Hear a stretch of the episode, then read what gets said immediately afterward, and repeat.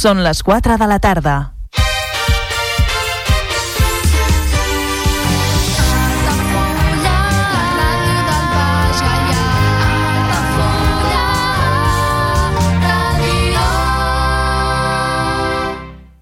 Altafulla Ràdio. Serveis informatius.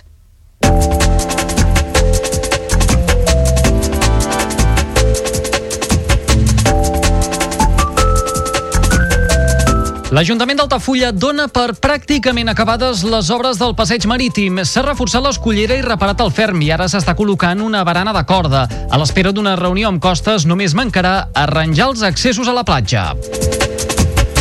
Altafulla és present a Navartur des d'aquest divendres i fins diumenge. A la Fira Internacional de Turisme de Navarra s'hi han desplaçat els municipis costaners del Baix Gaià que ofereixen un tas d'olis de la subcomarca. Olga Pes presenta Hello Sun aquest dissabte a la Violeta d'Altafulla. Es tracta del novè disc de la compositora, que sobre l'escenari també agafa envergadura en el format audiovisual. El Castell d'Altafulla obre les portes als visitants aquest dissabte al matí. L'activitat, que és gratuïta, es distribueix en quatre torns de 30 minuts cadascun i cal reservar plaça a l'oficina de turisme. L'última visita guiada a la desembocadura del Gaià de l'hivern tindrà lloc aquest diumenge. Les particularitats de l'entorn en aquesta època són impròpies per la calor i la sequera, tot i que les temperatures baixaran força al cap de setmana. La Fira Fora Estocs de Torredembarra se celebrarà l'1 i 2 de març. Durant la jornada de dissabte hi haurà l'espectacle itinerant Rum Rum Trash to Cards i s'oferirà a tothom coca i xocolata. L'obra La Roser arriba aquest dissabte al Centre Cultural del Catllà. El muntatge teatral condueix l'espectador a les ciutats preindustrials del segle XIX. I en esports, Calafell Altafulla, dura prova a domicili. Els altafullencs arriben en millors condicions que els locals, que continuen sent un rival directe per la cinquena plaça. Doble jornada i decisiva per les aspiracions del Club Bàsquet Altafulla si vol accedir a la fase d'ascens. Els altafullencs visiten aquest divendres el Vallvei B, l'únic que els ha guanyat i diumenge reben el bàsquet Teresianes 2 sub-25. I en futbol femení, Vallmoll, Altafulla, visita un equip a l'alça. Les abelles busquen la tercera victòria seguida i recuperar les bones sensacions contra un rival que encadena 18 punts.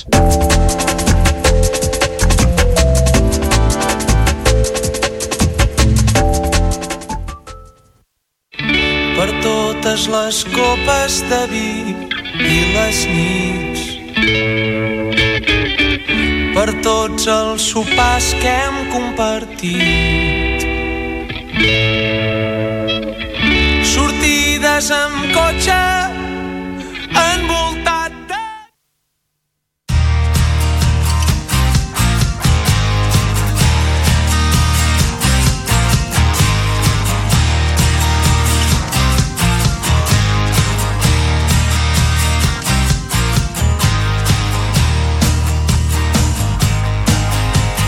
Carrer Major, un programa de ràdio Ciutat de Tarragona, Altafulla Ràdio, Ràdio Montblanc, Ràdio La Selva, Ona La Torre, la nova ràdio de Reus, Ràdio Hospitalet de l'Infant i Baix Camp Ràdio en col·laboració amb la xarxa de comunicació local.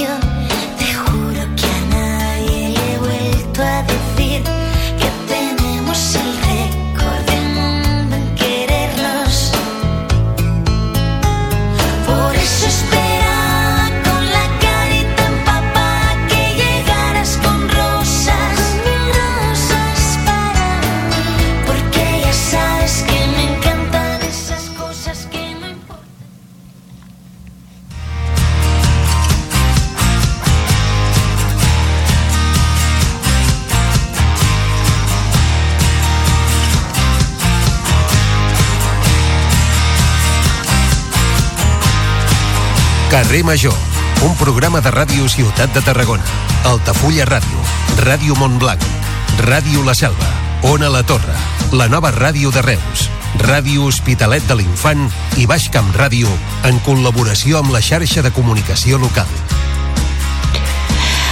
Hola, bona tarda. Tornem a començar perquè hi ha hagut algun problema amb el meu micròfon, eh, que no arribava el senyal a Tarragona.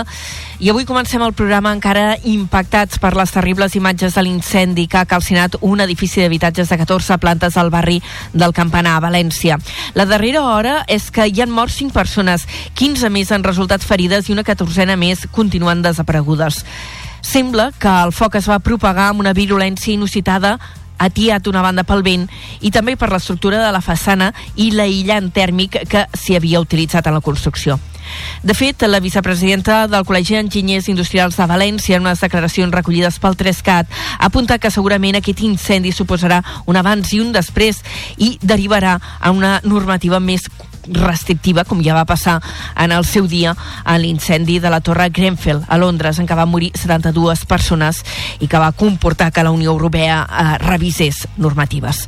A nivell internacional, la notícia del dia és que ja fa dos anys, dos, de la invasió russa a Ucraïna. Avui el govern eh, català, en un acte institucional que s'ha fet al Palau de la Generalitat, ha refermat el suport cap a la població ucraïnesa i assegura que el terror pe- perpetrat per Putin no quedarà impune. I avui per començar el programa, per començar Carrer Major, també volem destacar dues notícies de l'àmbit social. D'una banda, el govern espanyol s'ha compromès a augmentar fins al 50% la seva aportació a la llei de la dependència.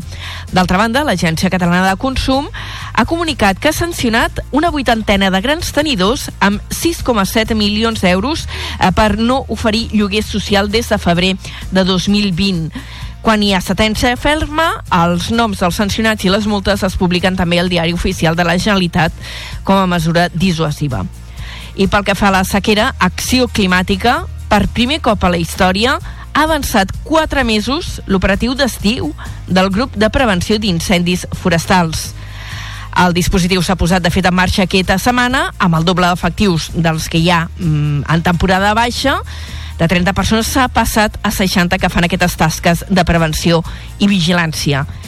I és que la directora general de Boscos d'Acció Climàtica, Anna Santillán, ha manifestat que els arbres estan al límit.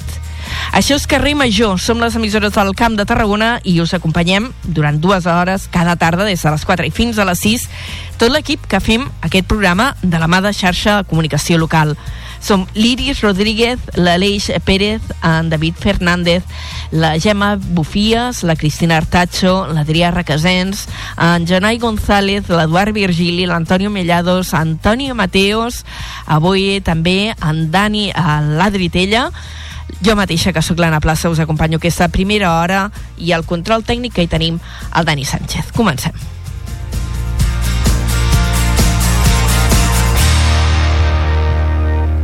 Carrer Major, Anna Plaza i Jonai González.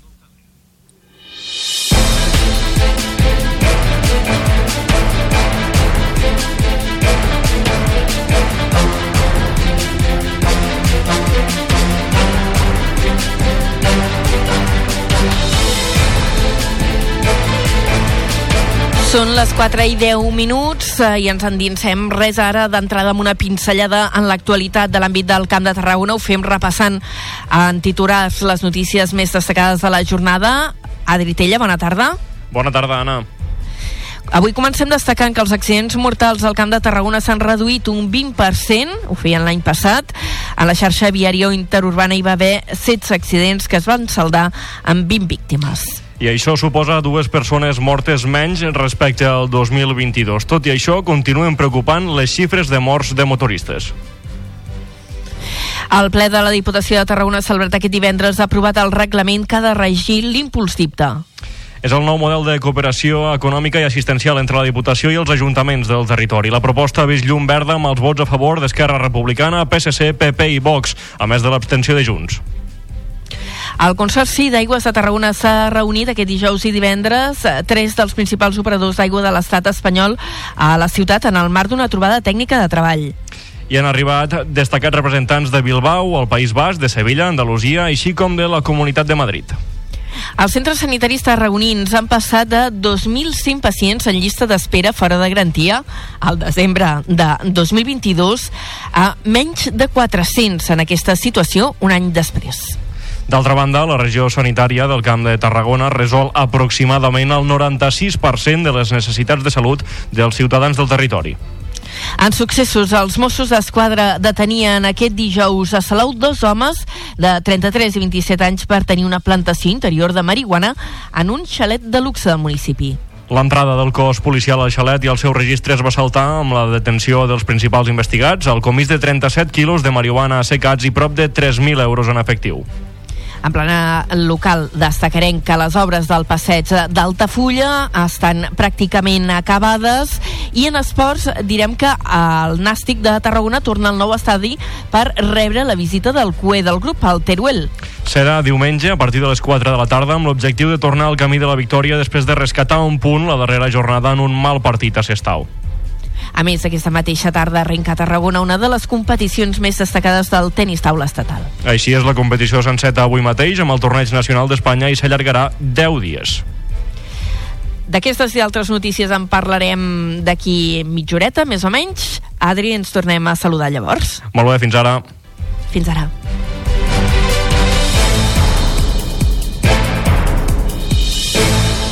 Carrer Major.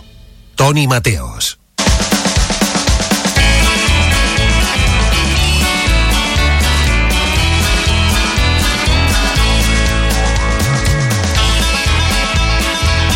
Mateos, que t'agrada el peix? Hola, hola. Hello? Hello, Hola? hello, Llamando hello. Marte. M'ha passat una cosa raríssima amb el micro. Amb el micro? Ah, Sí, a més és una cosa, mira que em passen coses, eh? Però m'ha passat una cosa que no... Sigui, per enviar el senyal a Tarragona, jo, jo Ah. tinc un, un botonet que, que ja em posa Ràdio Ciutat de Tarragona. Sé que he d'apretar aquest botonet i el botonet del meu micro i llavors s'envia el senyal. Però avui se m'havia quedat engegat un llumet que normalment només s'activa i es desac... I, I estava... És com si s'hagués quedat enganxat. I per això no hem començat el programa i no se'm sentia i no, no tinc ni idea, li, ho- li vaig donant i no, ara queda apagadet no sé què ha passat. Mm, misteris de la tècnica. De, de, I de divendres. quin desastre. Quina- mare de Déu superat, està superat, Anna, està superat, ja està, ja està. Ja, ja com dèiem la meva àvia Teodora, ja, ja passó, ja passó. Ja passo, ja passo, ja passo, ja passo. Ai, Què? Anna, bueno... Te- mira, preguntava si t'agrada el peix Depèn, depèn, sí, m'agrada el peix, però sóc molt peix del senyorito, saps? Allò sense espines... ah, mira, com jo Home, clar, clar, clar, que me'l donin sense espines, ben net i tot això, i que jo hagi de treballar al mínim, o sigui, ja és directe a la boca, peix del senyorito, i, igual que la paella, la paella del senyorito és la meva preferida, la que està Ah, ja. les gambes Tot- pelades, tot netet. Tot, tot netet i preparat. Clar, és que avui de- parlarem de pesca Ah, molt rebé, molt rebé, molt rebé. Molt Sí, bé. sí, sí. Avui parlarem del, del GALP, que és el grup d'acció local pesquer de la Costa Daurada. I en parlarem amb la seva gerent, que també és secretària de la Confraria de Pescadors de Cambrils. De tant en tant parlem Hombre. dels pagesos i avui toca parlar dels pescadors, també. Ostres, jo recordo una vegada que vaig anar a Madrid amb els pescadors Sí? de Cambrils. Oh, amb la conferència de pescadors de Cambrils se'ns va espatllar l'autobús. Oh, quin, I què, quin vau dia. viure- Que vau Quin viure dia? moltes aventures, o què? Vam sortir al programa de la, de la... Com es diu? De la Teresa Campos. Mare de. Déu, què estàs dient? Sí, sí, sortien... a- Perquè anaven els, els pescadors de Cambrils anaven amb timbals i... se- se A manifestar-se. A manifestar-se, sí. A més a més, eren pescadors i també eh, participaven en, en el grup de tota l'endenga i portaven timbals. I clar, quan vam arribar allà a Madrid, allà i vam començar pa, pa, pa, pa, pa, pa, pa. bueno, les càmeres es van girar i, i tots cap allà i, i, i saludaven els pescadors hola, Maria Teresa saludo a mi madre aquell matí i després tornant cap a Cambrils es va, va patar l'autobús va, va esclatar l'autobús no Va què esclatar? passar. Mare de Déu. sí, sí, va, Quina va patar l'autobús i, i bueno, allà parats a la M40 la gent mirant- mirant-nos què passava perquè hi havia un, com a 60 o 70 persones per allà al mig de la carretera bueno, un, un, un espectacle que encara molts cambrilencs i cambrilenques en Encara recorden, recorden. Ostres, no sé si m'atreviré a preguntar-li a la nostra entrevistada d'avui sobre això. No sé si hi era... És la secretària de la confraria Tutsana, si hi era o no hi era? No sé si... Clàudia si Masdeu? Clar, jo anàvem, jo eh, anàvem amb el Pitu Bomba, que era el, el, el, el cofrade dels pescadors, però clar... Quins noms més anys. meravellosos, aquests Pitu Bomba, renoms. sí, sí, Pitu Bomba. Pitu Bomba a Tarragona i el Pitu Mosquit a Cambrils el Pitu Bomba, ja ho tenim tot. Sí, que en pau descansi el Pitu Bomba. Escolta'm, Toni, uh, jo ja he dit uh, en qui entrevistarem avui, de res, d'aquí uns minutets ara la trucarem. Um, tu a la segona hora de què parlaràs avui? Mira, parlarem de muntanya, perquè tindrem el Pau Sales, que és coordinador del cicle de muntanya, que va començar ahir a la Diputació de Tarragona i que ens porten doncs, eh, documentals i xerrades sobre l'apassionant món de la muntanya i del muntanyisme. Després, estem pendents d'un fil que és el fil de veu de la nostra convidada, perquè és la Charlie P, humorista, Ah, que sí. avui, en teoria, té monòleg a Tarragona. Però està... Està... I va dir, Mare de Déu, com monologuista. un monologuista fònic. Un fònic, molt bé, I, molt i clar, bé. És que, és que la Charlie de les millors monologuistes de, del país, podríem... De, del país, de Catalunya sí. i, i, de, i, de, i de l'estat espanyol, i està molt meu! Que, bueno, que estem, estem, estem pendents a veure com evoluciona la Charlie. Eh, vale, li diem no sé si la podràs, perquè igual ha de, ha de guardar veu per Ha la de nit. guardar veu, però clar, eh, aquesta nit tu a Tarragona, al casino, Tu t'estaves fent l'entrevista a sobre, que sí? jo sí, jo m'estava fent la que ens coneixem. com a monologuista i parlar amb la Charlie sempre és un plaer. Els Tonis, no sé si te n'en recordes, Anna, Sí? del Johan Müller, el Juanito. Juanito Müller, un esquiador alemany que es va nacionalitzar No. espanyol, que Sí? va guanyar tres medalles d'or i que Aznar deia Juanito i el rei No. Juan Carlos Juanito i després Sí? es va descobrir que anava més col·locat que els mobles de l'Ikea. Molt bé, I li molt treure... bé. Bueno, parlarem d'aquest escàndol, de l'escàndol del Juanito, com va ser Johan Müller, després va ser Juanito sí? quan va guanyar les medalles, i va tornar a ser Johan quan li van treure les medalles per dopar-se.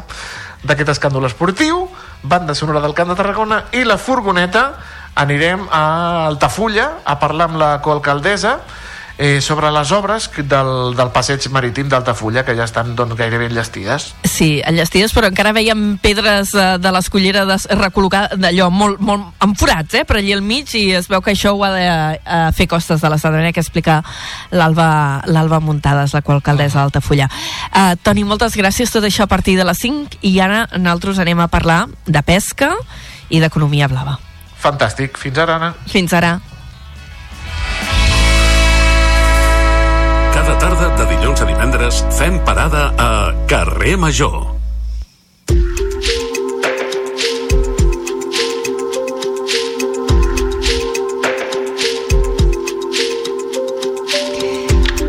Són les 4 i 19 minuts, uh, anem a parlar de pesca, anem a parlar de sector primari, ara ho comentàvem amb el, amb el Toni Mateus. Avui la nostra convidada en aquesta primera hora del programa Carrer Major és la Clàudia Masdeu, secretària de la Confraria de Pescadors de Cambrils i també gerent del GALP, el grup d'acció local pesquer de la Costa Daurada. Senyora Masdeu, bona tarda i benvinguda a Carrer Major. Bona tarda. Um, volem parlar amb vosaltres perquè ara fa pocs dies uh, uh, al Museu del Port de Tarragona vau presentar uh, la convocatòria d'ajuts d'enguany uh, pel sector pesquer i per l'economia blava uh, que articulareu en certa manera a través del GALP però tenim ganes de poder explicar què són totes aquestes coses, no? perquè a vegades en parlem a nivell informatiu i posar-hi noms cares ens agrada. Uh, el GALP que es va constituir l'any passat, sou un grup de confraries i de municipis d'aquí del nostre territori que preteneu treballar junts. Exacte, el GALP és una, una associació, una entitat que s'ha creat per poder dinamitzar eh, i analitzar el territori del que Costa Daurada, del que estem tractant, que seria doncs, els municipis de eh, Calafell, Torredembarra, Tarragona i Cambrils. I, i aquí els, els impulsors i els fundadors d'aquesta entitat hem sigut les quatre confraries de cadascun dels municipis, les, les quatre confraries, els quatre ajuntaments i després doncs, una, una, una empresa privada de, de transformació del peix, que seria Compestar, i la Federació com a sector social de confraries de pescadors.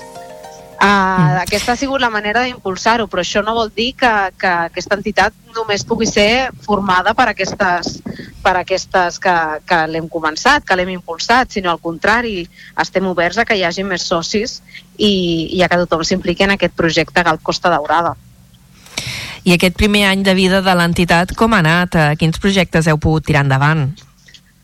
Doncs bé, aquest primer any de vida eh, ha sigut bàsicament per poder gestionar i poder-nos presentar com una entitat col·laboradora de l'administració. Nosaltres ens vam, bueno, vam crear l'associació a finals del 2022, però ha sigut durant el llarg del 2023 que hem anat presentant aquesta candidatura a l'administració. Hem estat fent aquest anàlisi de, del territori, per tant hem pogut preparar i redactar l'estratègia de desenvolupament local participatiu, que diguéssim que és la base, és el fil conductor de tots aquests ajuts i de, i de les convocatòries que s'aniran succeint durant els anys. Encara a dia d'avui no hem pogut fer cap projecte perquè la primera convocatòria s'ha publicat ara el dia 21, aquest dimecres, mm -hmm i, i bueno, serà a partir d'ara que es començaran a, a presentar projectes però qui presenta projectes no som només els, els membres d'aquesta associació sinó és qualsevol entitat pública o privada que, que es trobi o bé estigui dintre del territori o bé l'objectiu del seu projecte estigui destinat a, a, a l'economia blava del territori de, dels membres d'ALP. Anem posant uh, concrecions. Ara diu que s'ha obert una convocatòria, una convocatòria que feu el mateix uh, grup uh, d'acció pesquer de la, de la Costa Daurada o és una convocatòria que ve d'altres administracions i que vosaltres ajudeu a vehicular? Pública. Exacte, això és una convocatòria pública i al final uh, la tasca del GALP com a entitat és, com bé et deia, aquesta creació i aquesta anàlisi del territori per tant, la dinamització de l'estratègia de desenvolupament local participatiu i, per una altra banda, és aquesta gestió i el control dels ajuts. Per tant, qui publica els ajuts eh, és l'administració eh, que, mitjançant aquests fons europeus i aleshores qui realitza aquesta gestió dels ajuts eh, és el propi GALP. Uh -huh. I a què van destinats aquests, uh, aquests ajuts? Al, al, no sé, eh? poso per exemple modernització de la flota, uh, plans d'ocupació, formació, uh, quines línies d'ajuts tenim sobre la taula? Perquè ho vau parlem... presentar ara fa... Digue'm, sí, digue'm. sí, sí l'economia blava eh, ens dona mm, una visió superàmplia del sector. No només pensem en sector primari, sinó que pensem en qualsevol projecte que estigui vinculat a l'economia blava i economia blava com qualsevol activitat econòmica relacionada doncs, amb mars, oceans, ports i activitats eh, nàutiques. Um, doncs bé, com, com bé deies, una, unes formacions, uh, una, una creació d'una peixateria, un estudi del fons marí de, del territori. Bé, tenim uh, immensitat d'exemples que, que, bueno, que també ens precedeixen els, ex els exemples que, que s'han anat realitzant els anys anteriors als galps de Costa Brava i Terres de l'Ebre. I jo crec que aquí la gent ho pot agafar com a guia, ho pot agafar com a exemple i, i aleshores veure quin, quin ventall d'oportunitats i de possibilitats té de, de promocionar i de tirar endavant aquests projectes. Aquests grups d'acció pesquera de la Costa Brava i, i les Terres de l'Ebre són més antics que el d'aquí a la Costa Daurada? Teniu on emmirallar-vos? Exacte. Bueno, aquesta ha sigut també la nostra gran sort, en part, no?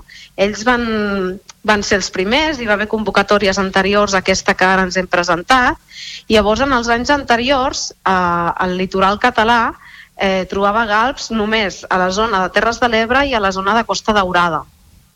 I ara, amb aquesta nova convocatòria, s'ha pogut donar resposta a aquesta necessitat a, als territoris de, bueno, de dependència, d'alta dependència del sector pesquer i, per tant, donar resposta a, a, a tot el litoral català. Trobem com a Galp Nou al Costa Daurada, però també tenim el Costa Brava Sud Maresme, que és un altre galp, i el de Costa Central, que seria un altre galp. Per tant, ara ja tenim doncs, tota aquesta costa catalana amb, amb aquestes entitats i, per tant, amb tot aquest ventall d'oportunitats que, que donen els GALP.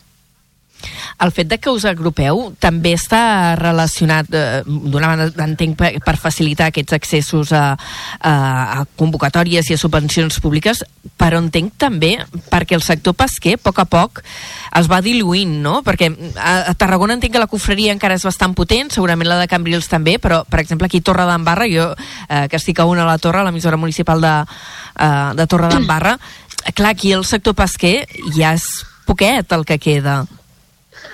Bueno, bé, és, és així. Al final hi ha una realitat i hi ha una evolució i un desenvolupament que és inevitable però amb aquests ajuts, és a dir, el sector pesquer té, té, té certs ajuts que van destinant direct, directament a, a, al propi sector primari, però el que ens permet el GALP i els seus ajuts és donar aquesta, aquesta dinamització, aquesta diversificació del propi sector pesquer i, per tant, doncs, eh, expandir el que seria tot aquest vincle. No? Per això parlem d'economia blava i no només de sector pesquer, perquè al final eh, també el desenvolupament de totes les activitats que es donen a terme en la zona del litoral i del mar, de la zona marítima, eh, també va a favor d'aquesta promoció tant de, de, del producte com de l'estil de vida, no? I, i bueno, parlant també de, de projectes, un altre, un altre tipus de projectes doncs seria aquesta protecció o aquesta, aquest donar a conèixer el patrimoni cultural que porta el sector pesquer. Per tant, creiem que, que és una manera, és una, és, és una, una, man, una manera de, de poder ensenyar a la gent no només que és el sector pesquer directament, sinó tot el que ho engloba. Mira, aquí a, a Torredembarra això sí que s'hi està treballant, perquè hi ha una entitat que es diu Orsa Pop que treballen en la recuperació de la vela llatina, per exemple. No sé si aniríem per en exemple. aquesta línia. Sí? També, també. Uh mhm. -huh. Exacte. Um, Eh, deia que durant aquest primer any d'activitat de, del GALP el que heu aprofitat també és per fer bastant diagnosi de, del sector. En quines conclusions sí. heu arribat? Quin doncs panorama doncs tenim ara aquí al territori? Bueno, al final era veure una miqueta de, qui, de quina base partíem eh, i, i tenim molts, molts punts forts. Aquí el desenvolupament turístic està molt marcat, però per, en contraposició també podem veure que, que hem, de, de tenir, hem de fer que aquest desenvolupament continuï però sigui d'una manera sostenible. Uh, després també és veritat que tenim molt desconeixement del que és el medi eh, de la zona marítima i per tant doncs, potser és important augmentar aquest medi i ai, augmentar aquest medi, augmentar aquest coneixement i a més a més augmentar buscar mètodes de protecció del mateix Um, I bueno, ve, veiem que el sector pesquer està disminuint, per tant, una de les altres tasques que, que hem arribat en les nostres conclusions és que hem d'intentar promocionar el sector primari a la zona, però a més a més, no només el fet de promocionar i fer que augmenti, sinó fer que el nivell de vida i la qualitat de vida a la que la gent s'hi dediqui a, a aquest sector doncs que, sigui, que sigui bona i que per tant animi a, a que hi hagi aquest relleu aquests dies que estem veient totes les eh, mobilitzacions de, dels pagesos, també hem sentit veus del col·lectiu de, de pescadors eh, que venen a dir la nostra problemàtica és molt semblant i ens sí. identifiquem. Eh, vostè, que sí, clar, com a totalment. secretària de la confraria de pescadors de Cambrils s'hi deu trobar amb el dia a dia, no?, amb les queixes de, del sector, com, com estan.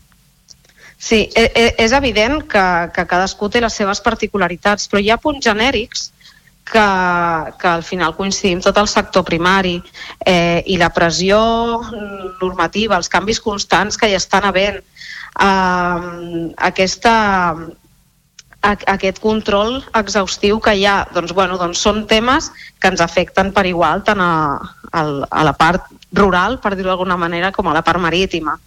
I, i bueno, en aquest sentit, ja des de la pròpia Federació Nacional Catalana de Cofreries de Pescadors s'ha fet un comunicat en recolzament de, de la pagesia i no només això, sinó que a més a més doncs, dient eh, nosaltres estem en la mateixa situació en molts dels casos i, i ens trobem eh, equiparats a la situació que tenen ells. És més, mm. s'està parlant en moltes confraries i, i no només del territori de Catalunya, sinó de, de, de tot Espanya, de fer una, una parada el dilluns 26 això està confirmat o depèn no, de la confraria? No, no està confirmat. Ja et dic que s'està parlant, hi ha moltes confraries que ja ho han confirmat, però, per exemple, a, a la província de Tarragona just s'està parlant avui mateix, per tant no et podria dir res, però sí que és, sí que és un tema que arreu de l'Estat doncs, ja, ja s'està comentant i ja s'està gestionant per, per fer aquest recolzament i inclús per assistir a, en molts casos a, a Madrid. Um, és que ara parlant d'aquesta qüestió de, del malestar que també hi ha en el sector pesquer com, com passa amb la, amb la pagesia i la ramaderia uh, un, un dels punts d'inquietud de l'últim any que ho he anat seguint així una mica per damunt però uh, és el tema del de, calendari pesquer no? perquè Europa uh, limitava el, el límit de dies que es podia sortir a pescar, mm. eh, el sector deia ja estem al límit, si encara ens ho limiten més malament, després es va fer com a marxa enrere, ara en quin punt s'està? Bueno, a veure, això, eh, el tema de les jornades de pesca, de la reducció de jornades de pesca, va cap a la modalitat d'arrossegament. Uh, això ve d'un pla multianual que es, va, que, es, que, que, que es va publicar i es va acceptar a nivell europeu eh, i que està absolutament vigent. El que passa que després la transposició cada any es va actualitzant, eh, que, que, cada estat ho ha d'anar actualitzant també. Eh, I és cert, al final sí que hi ha uns objectius eh, mediambientals i de sostenibilitat, però sempre s'ha d'intentar buscar, i al final és el que el sector pesquer reclama, que hi hagi un equilibri amb, amb l'estabilitat socioeconòmica. És a dir, hem de, hem de buscar les dues, les dues vessants i al final hem de ser conscients que hi ha una realitat i és que eh, la situació del mar Mediterrani no només està vehiculada eh, pel sector pesquer, al contrari, el sector pesquer cada vegada és menor i, i hi ha altres aspectes com pot ser eh, bueno, canvi climàtic, augment de la temperatura de l'aigua, eh, contaminació, etc etc, que no està a les nostres mans, que afecta en gran mesura a la situació del mar i, i que per moltes mesures que prenguem des del sector pesquer doncs no ho podem revertir. Eh, des del sector agrícola es parla molt del fet de que moltes vegades es venen els productes per sota del valor de cost. En el cas de, de la pesca també us està passant això, perquè clar, amb l'increment de preus de combustibles, per exemple, eh, en els últims anys, no sé si encara surt allò que compta eh, armar la barca i sortir a pescar. Clar, no, o sigui, Uh, en el sector pesquer sí que, sí que surt a compte el fet de, de sortir a pescar. El problema és que el, el gasoil, per exemple, com bé deies, és molt variable. Hi ha dies que, que doncs, eh, pot, pot marcar molt la diferència, sobretot en embarcacions d'arrossegament, per exemple. Després nosaltres eh, estem parlant de diferents tipus de modalitats i cadascuna té doncs, la seva idiosincràsia. Però sí que és veritat que el preu um, no, és que, no és que no dongui per, per tirar endavant, però sí que és veritat que després veus que hi ha una gran diferència entre el preu de venda de, de la primera venda que es realitza en llotja i al final del consumidor final. Però uh, al final aquí és de trobar un equilibri una altra vegada, no? però en aquest sentit, de trobar un equilibri entre totes les parts que estem involucrades en aquesta economia i, i que pugui arribar al, consum, al consumidor final. Mm. Uh, el tema del relleu generacional també és un tema, no?, pel sector pesquer. Sí, sí exacte. D'això també n'heu parlat al GALP, amb aquest grup uh, d'acció local? Bueno, eh, eh, és un tema que es pot treballar. Ara també l'administració està fent un pla eh, respecte al relleu generacional que està treballant doncs, per facilitar la inclusió de, de nous pescadors al sector, a, a, al sector d'aquí de, de Catalunya i, i bueno, està prenent mesures doncs, això per, per, per promoure i per facilitar aquesta, aquesta inclusió. Ara bé, el secret de tot això també és que la gent que avui dia s'hi està dedicant es guanyi la vida. Aleshores, els que des de fora eh, ho vegin, ho veuran com una oportunitat laboral eh, i, i, i es podran animar o no i llavors utilitzar aquestes facilitats. Però jo crec que, que el punt eh, bàsic i inicial és aquest, no? que els pescadors d'avui en dia vagin a pescar amb tranquil·litat, eh, amb una bona qualitat de vida i amb un resultat econòmic positiu. I, I us preocupa el tema, no sé si n'heu parlat a nivell de grup, eh, de, eh, de les formes de consum de peix. De, no sé si es consumeix tant de peix fresc com, com potser en la generació del, del que podria ser dels meus pares. Bueno, uh, al final jo crec que aquí també hi ha un, un, una feina de fons, és a dir, ara tampoc tenim tant de temps potser uh, com per uh, anar al mercat, a la peixateria, a tal parada compres el peix, a l'altra compres la carn, després arribes a casa, uh, t'arregles el peix... M moltes vegades anem una mica doncs, a, a de cara a barraca, no? no? Fem-ho fàcil. Sí, sí, jo sóc especialista exacte. en això. Llavors, doncs hi ha potser més aquesta sintonia. I al final també hem de treballar davant el desconeixement, és a dir, hi ha moltíssimes espècies eh, que, que, que, bueno, que es comercialitzen però que realment no tenen demanda. I, i potser aquí també ho hem de treballar en aquest sentit. Escolteu, hi ha tot aquest ventall de possibilitats a un preu molt assequible i amb uns resultats boníssims i, i que potser són eh, de, eh, un dels productes bàsics a la dieta dels pescadors i, i després la gent no, no els coneix i no els pot gaudir. Per tant, aquí sí que ens toca fer una miqueta aquesta uh, tasca pedagògica en aquest sentit i, i després hi ha una resta, doncs, l'altra part que sí que és cert, no? doncs aquesta manca de temps i de, i de possibilitats de dedicació doncs, per, per cuinar-ho. Home, aquí les jornades gastronòmiques, i em sembla que ara a Cambrils teniu en marxa la de... Ai, ara em sortirà. Les de la galera. La de la galera. Sí. Mira, aquesta, aquesta ajuda, per exemple, no? per mi, són un exemple, sí. i a més a més són un exemple d'èxit. O sigui, estem parlant de les 19 jornades de la galera, quan es va començar la galera uh, fora de, de l'àmbit de, de la zona... Pesquer, no? Era com una mica denostat, no? La, allò, ai, té punxes Exacte. la galera. A més, eh, et preguntàvem per la galera i és que això només serveix per fer caldos, saps? En canvi, amb totes aquestes jornades el que hem fet ha sigut doncs, poder donar a conèixer el producte, eh, també amb la col·laboració dels restauradors, donar a conèixer el munt de, de possibilitats que dona la galera, el bon sabor que té i a més a més treballar un producte de la zona, un producte de, proximi de proximitat i un producte que estem fent les jornades en la seva, en la seva època òptima. És a dir, mm. la galera, eh, la seva època és el fred, que és, que quan, és quan està més plena, i per tant és aquí quan li fem la promoció. Doncs hem estat parlant avui de pesca i d'economia blava amb la secretària de la confraria de Cambrils, la Clàudia Masdeu, que a més és la gerent del GALP, el grup d'acció local pesquera de, de la Costa Daurada.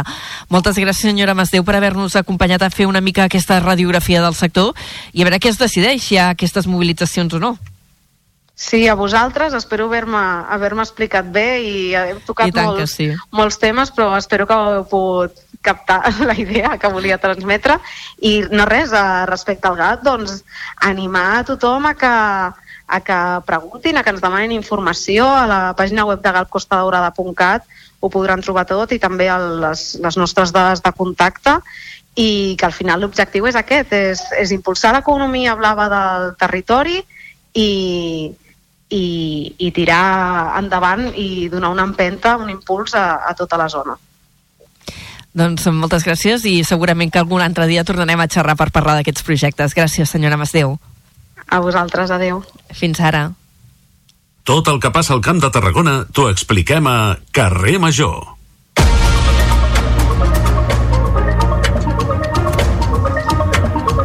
Gairebé les 4 i 40 minuts de la tarda i emprenem el tram informatiu d'aquesta primera hora del programa. Ho fem amb la companyia de nou de l'Adrià Tella. Adri, bona tarda. Bona tarda, Anna. I avui comencem aquest tram informatiu fent-nos ressò del balanç d'accidentalitat en trànsit al Camp de Tarragona, el balanç de l'any passat. Els accidents mortals aquí al territori es van reduir un 20%. En la xarxa viària interurbana hi va haver 16 accidents que es van saldar amb 20 víctimes. Això suposa dues persones mortes menys respecte a l'any 2022. El conseller d'Interior, Joan Ignasi Helena, ha afirmat que els preocupa que les xifres absolutes de morts de motoristes es mantinguin, tot i la disminució de la sinistralitat. I és que malgrat disminueix la corba de, de, de persones que perden la vida, es manté el número absolut de persones que perden la vida en moto. Això significa que cada vegada la representació de la moto en el percentatge de persones que perden la vida és més alt. I en aquest sentit doncs, s'han doncs, de fer molts esforços en molts àmbits, no? De conscienciació, de, de, també de, de control i de, i de sanció, i ho fem a través de les motos espiell. Helena ho ha dit aquest divendres des de Riudoms, on ha anunciat una nova convocatòria d'ajuts xifrada en 10 milions d'euros per millorar la seguretat viària dels municipis de menys de 50.000 habitants. Aquestes noves ajudes estan previstes per al juny i condicionades a l'aprovació dels pressupostos. Avui també hi ha hagut ple a la Diputació de Tarragona que ha aprovat el reglament eh, que regirà l'impuls d'IPTA, el nou model de cooperació econòmica i també d'assistència als municipis de la demarcació. La proposta ha vist llum verda amb els vots a favor d'Esquerra Republicana, PSC, PP i Vox, a més de l'abstenció de Junts. El text recull els principis bàsics que han de regir aquest nou pla de treball conjunt amb els ajuntaments. De fet, és el marc jurídic que ha de permetre apropar més endavant el pla definitiu. El nou model de gestió aposta per un treball conjunt per fixar les prioritats de les polítiques municipals, establint una relació de bilateralitat i respectant l'autonomia local. A més, el Pla Impuls d'IPTA permetrà simplificar la tramitació administrativa dels ajuntaments amb la Diputació, ho explica així el vicepresident i diputat delegat de Concertació i Assistència Municipal, Enric Adell. És un dia important pels ajuntaments de la demarcació de Tarragona perquè és el primer pas, és un pas endavant per la reducció de tràmits que significarà reduir en més d'un 75% tots els tràmits que estàvem fent. I avui, precisament, que donem suport a la pagesia, la Diputació ja fa setmanes que treballem en aquesta direcció de simplificar, de reduir burocràcia, que això el que ve a ser, al cap i a la fi, és ajudar la ciutadania, és fer la vida més fàcil i és ajudar a tota la gent que viu als 190 municipis de la nostra demarcació. Durant la sessió plenària també s'ha aprovat el nou Pla d'Igualtat d'Oportunitats entre dones i homes de la Diputació, que tindrà vigència fins al 2027, així com l'aprovació inicial del projecte d'actuacions puntuals de seguretat i drenatge a diverses carreteres del territori i uh, avui també us destaquem en aquest primer tram de l'informatiu parlant d'infraestructures que el Port de Tarragona ha portat a Madrid la seva aposta per la intermodalitat. L'ENS ha participat en la jornada de desenvolupament dels corredors ferroportuaris a la capital per presentar els seus plans per potenciar el ferrocarril. Des de Ràdio Ciutat de Tarragona, Adrià Duc. El Port de Tarragona ha participat en la jornada Desenvolupament dels corredors ferroportuaris amb Madrid, Hub Logístic Central Ibèric, per presentar els seus plans per potenciar el ferrocarril i les inversions en terminals intermodals. La jornada s'ha celebrat a la seu del Col·legi Oficial d'Enginyers a Madrid i pretén analitzar els corredors ferroportuaris amb la capital espanyola per tal d'estudiar la connectivitat ferroviària amb els principals hubs logístics nacionals i internacionals. El port ha aprofitat l'oportunitat per explicar la seva aposta per la intermodalitat, amb l'objectiu d'optimitzar la cadena logística i poder oferir un millor servei als seus clients, tant des del punt de vista econòmic com en sostenibilitat, mitjançant el moviment de mercaderies per ferrocarril. El Port de Tarragona any rere any augmenta el transport per ferrocarril. De fet, al 2023 van ser 1.955 els trens entrants i sortins del port, confirmant així la seva gran aposta per aquest mitjà en cerca d'un futur basat en la sostenibilitat econòmica i eficient.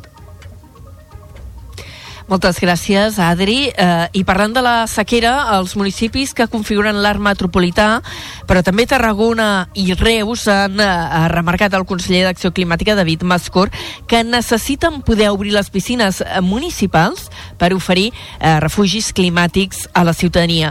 En, com, un comunicat s'han mostrat crítics amb els planejaments del govern per combatre les altes temperatures en època de sequera, tot detallant que biblioteques i altres instal·lacions que tenen aire condicionant no seran suficients per acollir el volum de ciutadans eh, que acullen a les seves localitats. I al marge d'això, el Consorci d'Aigües de Tarragona ha reunit entre ahir dijous i avui divendres tres dels principals operadors d'aigua de l'estat espanyol a la ciutat, a Tarragona, en el marc d'una trobada tècnica de treball. Hi han arribat destacats representants a Bilbao, el País Basc, Sevilla i així també de la Comunitat de Madrid.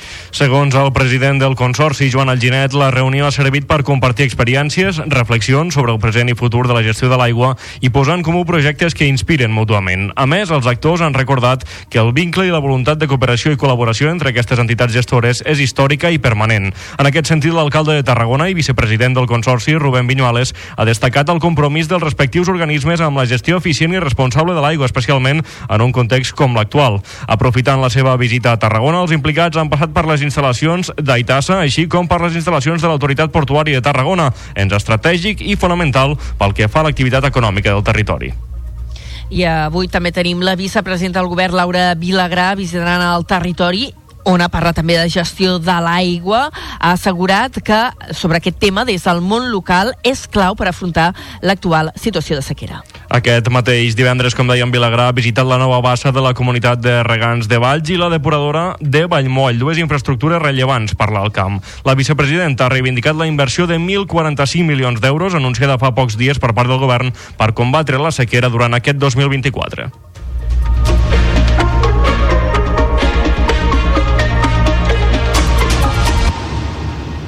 Parlem ara de sanitat, de llistes d'espera. El mes de, se- de desembre de l'any 2022, fa un any i escaig, la regió sanitària del Camp de Tarragona acumulava uns 2.000 pacients en llista d'espera fora de termini eh, de garantia previst pel mateix Servei Català de la Salut, eh, opera, esperant poder ser operats mm, d'alguna necessitat. Eh, malgrat que cap d'elles eren malalts oncològics ni d'absoluta gravetat, és una xifra molt elevada que els centres sanitaris del territori han aconseguit molt a reduir molt durant l'últim any. El passat desembre d'aquest 2023 eren ja 394 els pacients fora de termini. Es tracta d'una reducció de més de 1.600 malalts en aquesta llista d'espera fora del termini de garantia.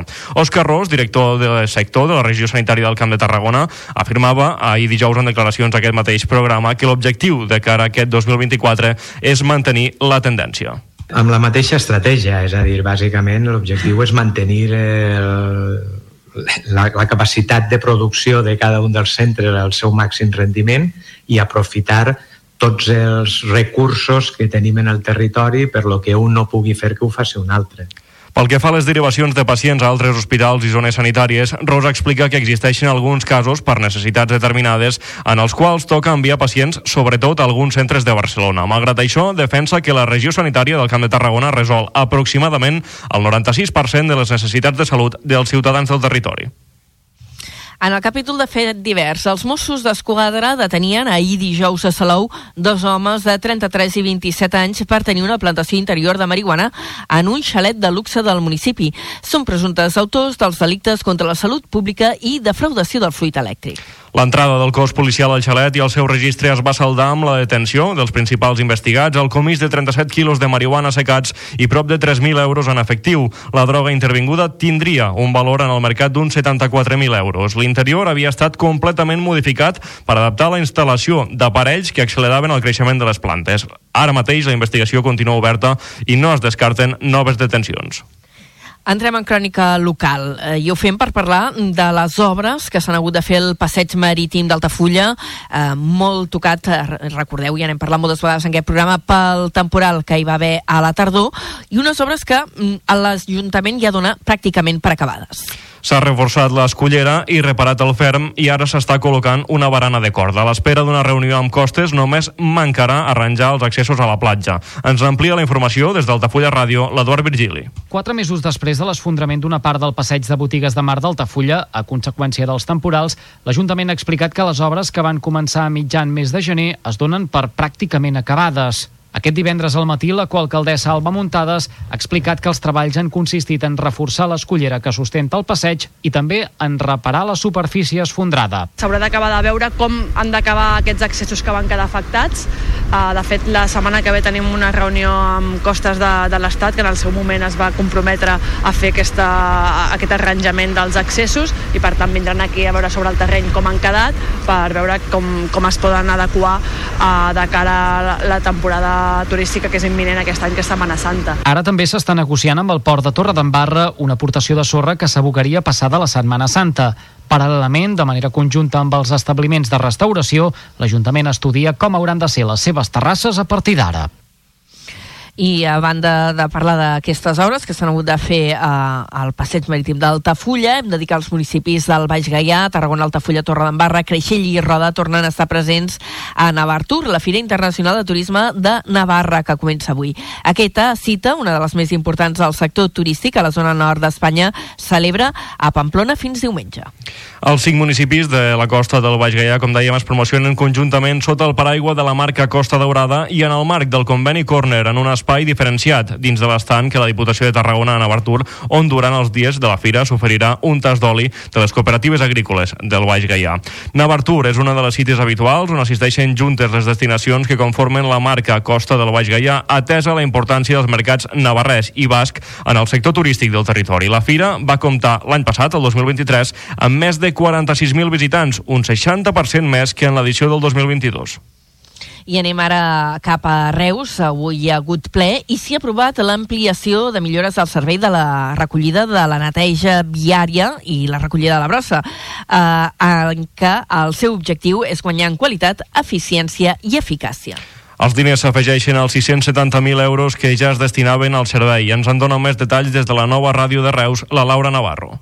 L'ampliació serà progressiva i preveu millores en el servei de recollida, com la compra de noves illes emergents, la posada a punt dels contenidors soterrats i tancament dels inutilitzats, la compra de més contenidors d'ús comercial, l'adaptació dels contenidors d'orgànica per minimitzar els residus propis i la compra d'un vehicle bicompartimentat que permetrà recollir dues fraccions al mateix temps. Per les millores en el servei de neteja s'habilitarà un reforç en les brigades de neteja de parcs i jardins, un pla de neteja als barris i una prova pilot amb un reflector de fulles instal·lat a un dels camions de recollida. Finalment també es preveuen millores en la gestió, com el parc central de neteja, en què es millorarà el paviment exterior i es canviaran els vestidors dels treballadors i els espais d'oficines. També s'instal·larà un nou sistema informàtic de gestió de la flota de vehicles per tal d'optimitzar els recorreguts i millorar l'eficiència dels contenidors.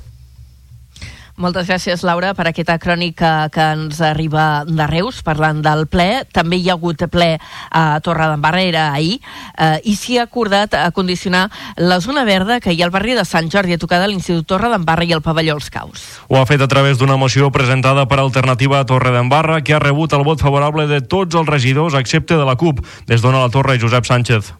Alternativa ha presentat dins de la moció un projecte que contempla dedicar uns 53.000 euros per fer millores en la zona, amb el desbrossament de l'espai, la instal·lació de mobiliari, dos punts d'aigua i dues entrades. El regidor Carles Fuixet ha defensat que permetrà millorar la qualitat de vida dels ciutadans i que en podran fer ús els alumnes de l'Institut Torredembarra.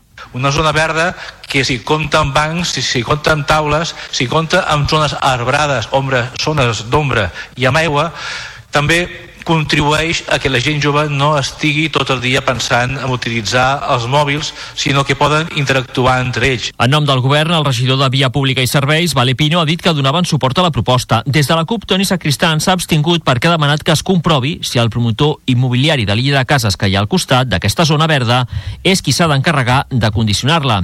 La previsió és incloure una partida per aquesta intervenció en el pressupost del 2025. I encara un altre punt municipal de l'àmbit del Baix Gaià, l'Ajuntament d'Altafulla ha tret a licitació el servei de programació del Casal de la Violeta. La durada inicial d'aquest contracte serà d'un any, que es podrà prorrogar durant dos més i el pressupost de sortida d'aquest contracte per programar en aquest centre cultural és d'uns 8.000 euros IVA inclòs. Ara anem al sud del Baix Camp. Càritas Parroquial de Vandellós ha estrenat un nou local. L'Ajuntament li ha cedit l'ús de l'antic escorxador i ha condicionat aquest espai perquè aquesta entitat local pugui instal·lar-hi la seva seu. Des de Ràdio L'Hospitalet, Iri Rodríguez. Càritas de Vandellós estrena nou local a l'antic escorxador del poble que es va inaugurar aquest dijous 22 de febrer amb un acte obert als veïns i veïnes. Amb la sessió d'aquest espai a Càritas de Vandellós, el consistori ha donat resposta a la demanda d'aquesta entitat local, que des de fa anys reclamava un altre local per atendre als seus usuaris i usuàries a millors condicions. Sisqueta Margalef és la directora de Càritas Vandellós. Totes les companyes ens sentim molt contentes perquè de veritat que era una reivindicació que feia anys que fèiem, la veritat és que era molt feixuc i teníem sempre port. A l'hora de la veritat havíem d'entrar al gènere amb un muntacàrregues, o sigui, teníem una sèrie de problemes bastant grans. Mos ha arreglat aquest local, ha quedat molt guapet, molt endreçat i la veritat estem molt contentes. La inauguració va comptar amb la presència del director de Caritas Diocesa de Tortosa i membres del secretariat d'aquesta entitat de l'Església Catòlica, així com diversos membres de l'Ajuntament i els voluntaris i voluntàries de Càritas tant de Vandellós com de l'Hospitalet de l'Infant.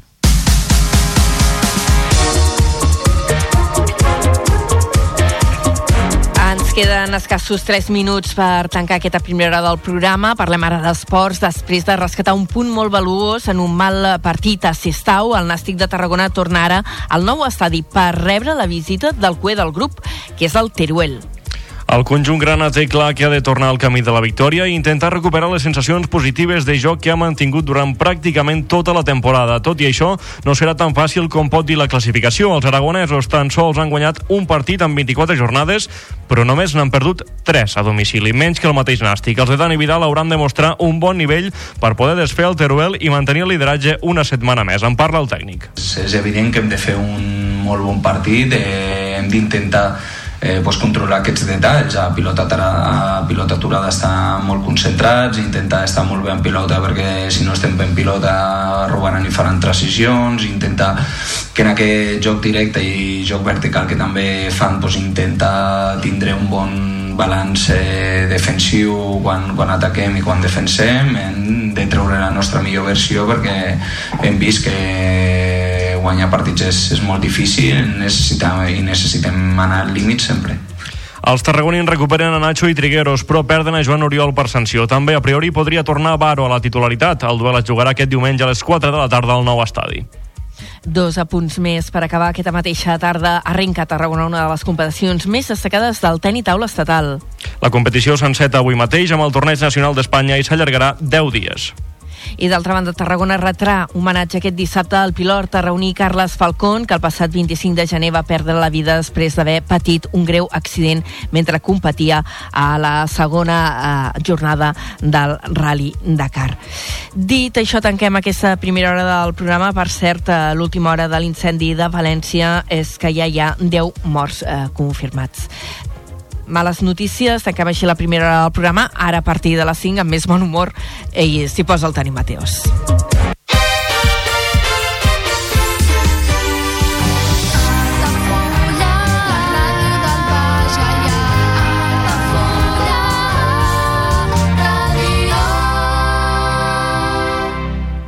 Ja coneixes les propostes que t'ofereix el Club Marítim Altafulla? Vine i descobreix totes les nostres activitats. Sortides en caiac o pa del surf, cursos de vela per a totes les edats. No t'ho perdis. Club Marítim Altafulla. Obert tot l'any i per a tothom. Comunions 2024. Dates ja disponibles amb sales privades, jardí, pàrquing privat i la millor gastronomia. Més informació i reserves al 977 65 11 55 i a comercial arroba altafullamarotel.com o al web altafullamarotel.com. Les teves celebracions familiars a l'Altafulla Mar Hotel.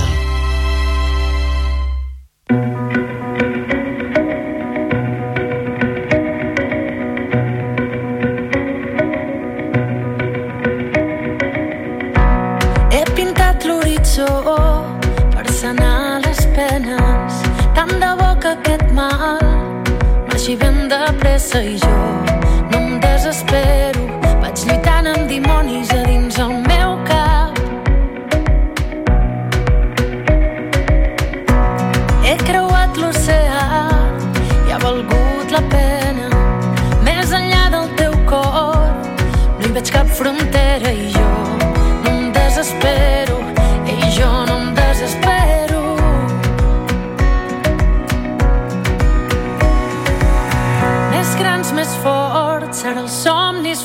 creixen, l'esperança es fa gran i la sento constant.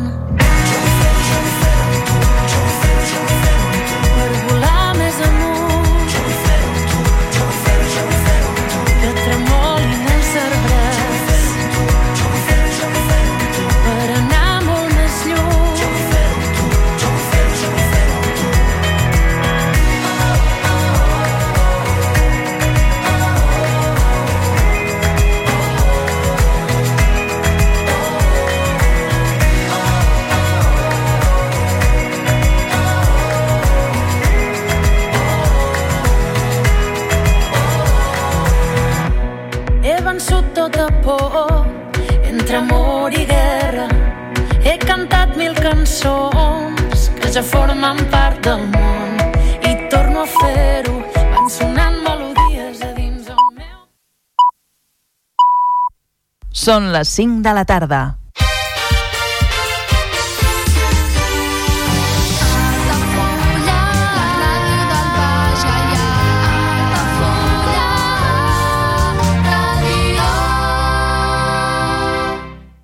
Altafulla Ràdio.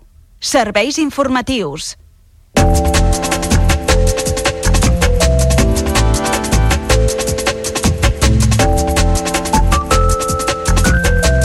L'Ajuntament d'Altafulla dona per pràcticament acabades les obres del passeig marítim. S'ha reforçat l'escollera i reparat el ferm i ara s'està col·locant una barana de corda. A l'espera d'una reunió amb Costes només mancarà arranjar els accessos a la platja. Altafulla és present en Abertur des d'aquest divendres i fins diumenge. A la Fira Internacional de Turisme de Navarra s'hi han desplaçat els municipis costaners del Baix Gaià que ofereixen un tas d'olis de la subcomarca. Olga Pes presenta Hello Sun aquest dissabte a la Violeta d'Altafulla. Es tracta del novè disc de la compositora, que sobre l'escenari també agafa envergadura en el format audiovisual. El Castell d'Altafulla obre les portes als visitants aquest dissabte al matí. L'activitat, que és gratuïta, es distribueix en quatre torns de 30 minuts cadascun i cal reservar plaça a l'oficina de turisme. L'última visita guiada a la desembocadura del Gaià de l'hivern tindrà lloc aquest diumenge. Les particularitats de l'entorn en aquesta època són impròpies per la calor i la sequera, tot i que les temperatures baixaran força al cap de setmana. La Fira Fora Estocs de Torredembarra se celebrarà l'1 i 2 de març. Durant la jornada de dissabte hi haurà l'espectacle itinerant Rum Rum Trash to Cards i s'oferirà a tothom coca i xocolata. L'obra de Roser arriba aquest dissabte al Centre Cultural del Catllà. El muntatge teatral condueix l'espectador a les ciutats preindustrials del segle XIX. I en esports, Calafell Altafulla, dura prova a domicili. Els altafullencs arriben en millors condicions que els locals, que continuen sent un rival directe per la cinquena plaça.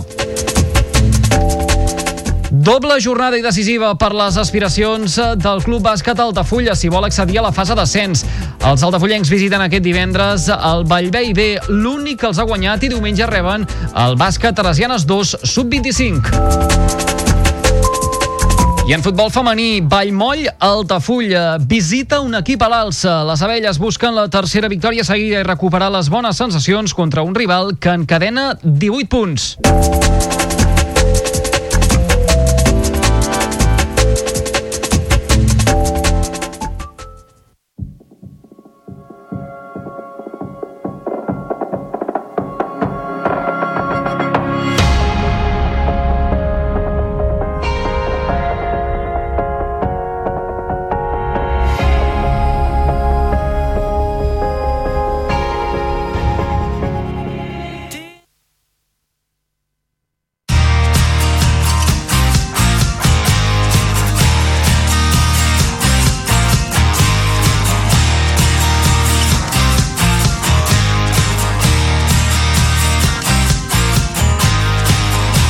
Major, Toni Mateos i Aleix Pérez. Hola, ¿qué tal? Avui és 23 de febrer. Quieto todo el mundo! 43 anys d'aquell intent de cop d'estat. Eren exactament les 6 i 23 de la tarda quan el temps es va aturar a tot l'estat espanyol. Antonio Tejero i 200 guàrdies civiles van entrar per la força en el Congrés dels Diputats, fa 43 anys. Fa 43 anys que tots els diputats es van amagar als seus escons, menys Gutiérrez Mellado, Adolfo Suárez i Santiago Carrillo, que no es van amagar, que es van quedar drets o assentats. 43 anys. I tot això va començar amb una reunió anys enrere a la cafeteria Galàxia de Madrid, on es va reunir Tejero i altres militars que volien acabar amb el govern d'Adolfo Suárez. Van ser detinguts per conspirar contra l'Estat i com que les penes van ser molt baixes, finalment ho van intentar tal dia com avui, de fa 43 anys. Per cert, Tejero viu entre Madrid i Màlaga, amb una bona jubilació. A vegades el conviden a dinars i sopars amb certa olor o pudor a naftalina i a ranci, amb banderes amàligues, i s'atreveix a dir que el veritable cop d'estat es va donar a Catalunya el 2017. Coses de senyor gran, coses de senyor fatxa. D'aquella nit, que per cert, el rei no va donar la cara fins la una de la matinada, una mica tard Juan Carlos, és que clar, l'havien de vestir de militar. Molts d'aquella nit la recorden com la nit dels transistors, perquè a la tele, que només teníem una cadena, estava segrestada i fotien pel·lis de, de vaqueros. Aleix Pérez, tu, bueno, tu no te n'en recordes, però hauràs vist moltes coses del, del 23F, no?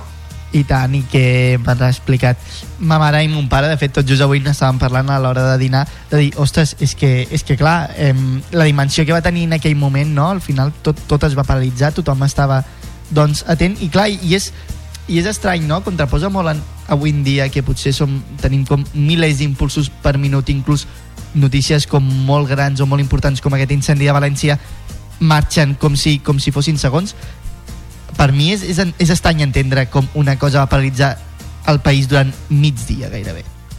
No, no, durant migdia no, tot, Tot el el dia. dia, van entrar a les 6 de la, de la tarda i d'allà no van sortir fins al dia següent, que serien les 12 del migdia, i a més a més van sortir saludaos i, i dándoles la mano. Amb els honors, no? La nit dels transistors, es deia aquella. Com, com la ràdio, no? Al final té, té certa Clar, no, és que era la ràdio la que estava informant, perquè la tele, com t'he dit, estava segrestada. Aquesta és la tarda dels transistors, amics i amigues. Els transistors de Radio Ciutat de Tarragona, Altafulla Ràdio, Ona la Torre, Ràdio Montblanc, Ràdio Hospitalet de l'Infant, la nova Ràdio de Reus, Ràdio La Selva del Camp i Baix Camp Ràdio. La tarda també del nostre tècnic, en Dani Sánchez, i la del colpista radiofònic que els parla, Antoni Mateos. Todo el mundo a la ràdio! Benvinguts a Carrer Major.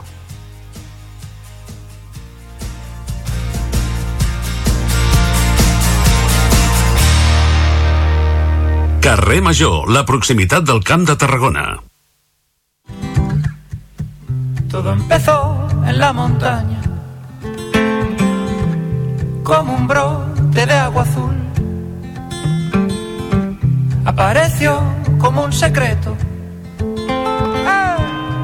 escondido en la altitud.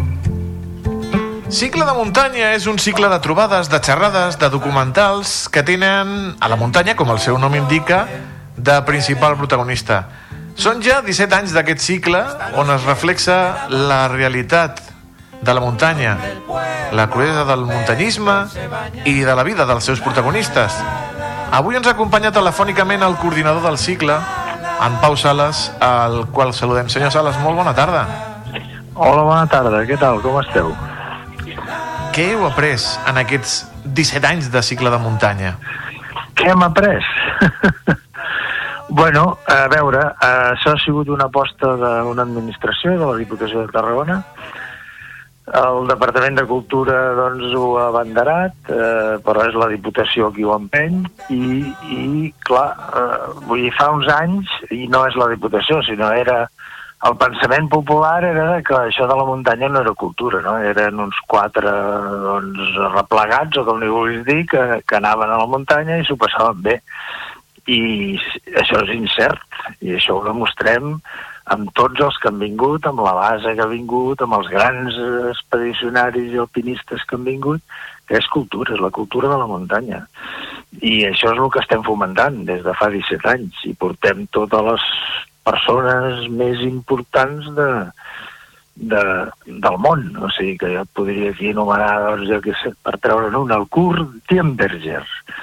El Kurt Diemberger ha pujat, és l'única persona viva, i ha vingut dos vegades a Tarragona amb el nostre cicle, és l'única persona viva que en aquest, eh, el 16 de març d'aquest any farà 92 anys, que ha fet dos cims per primera vegada al món. O sigui, que, que ell, que eren verges, el Broad Peak de 8.047 metres i el Daula Giri de 8.167 metres. O sigui, és l'única persona viva que ha xafat amb els seus peus la primera muntanya del, de, dels 14 famosos 8.000, no?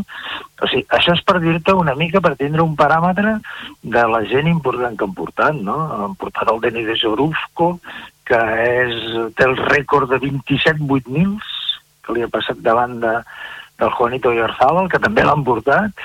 Sebastián Álvaro ens ajuda molt, el del filo de l'impossible. Bueno, estaríem tota la tarda parlant de Christophe Beliki, que va fer els tres cims més complicats en hivern, a l'Everets entre ells, el Cachenxunga i el Gotze. O sigui, això és un reflexe impactant de, de dir, per això, ahir, ahir que vam inaugurar, doncs va omplir omplim un aforo de més de 300 persones. O sigui que, que és increïble Tarragona que tingui eh, aquest pal de paller, aquest, eh, aquesta marca, hem creat una marca de muntanya que, que té la seva importància, en respecte a tot el món, ens coneix tothom, no? I, i ahir el Miquel Mas i el Marc Sobirana que han fet una, la, una primera mundial, la primera ascensió al Lato, una, una via que no havia fet mai ningú són dos joves que, que escaladors que, que, bueno, que ens ho van estar explicant, no? I van portar un, un, un, un documental meravellós. Doncs això és una mica la porta oberta al cicle de muntanya de la Diputació de Tarragona. Perquè al final, què, què té la muntanya? Per què enganxa tant, tant els protagonistes que han convidat en aquestes 17, 17 edicions com també tota la gent que, que s'hi aplega i que, i que fa parada al, al, a l'auditori també de la Diputació què, què, què té d'especial la muntanya que enganxa durant tantes edicions i de manera tan fidel a la gent? Bueno, doncs a veure, nosaltres portem, a part dels, dels alpinistes aquests tan famosos de fama internacional, mundial i també catalans, no? que el Jordi Pons, que el Jordi Pons va ser dels primers eh, català que va fer junt amb l'Anglada el primer 8.000 de, de la nació, d'Espanya i, de, i de Catalunya, no? O sigui que aquí també tenim molt, bueno, l'Òscar Cariac, que ha fet els 14 8.000 sense oxigen, que, és, que és, està fincat a Tarragona. I, I vull dir que, que realment ell ens va ajudar a començar aquest cicle, no?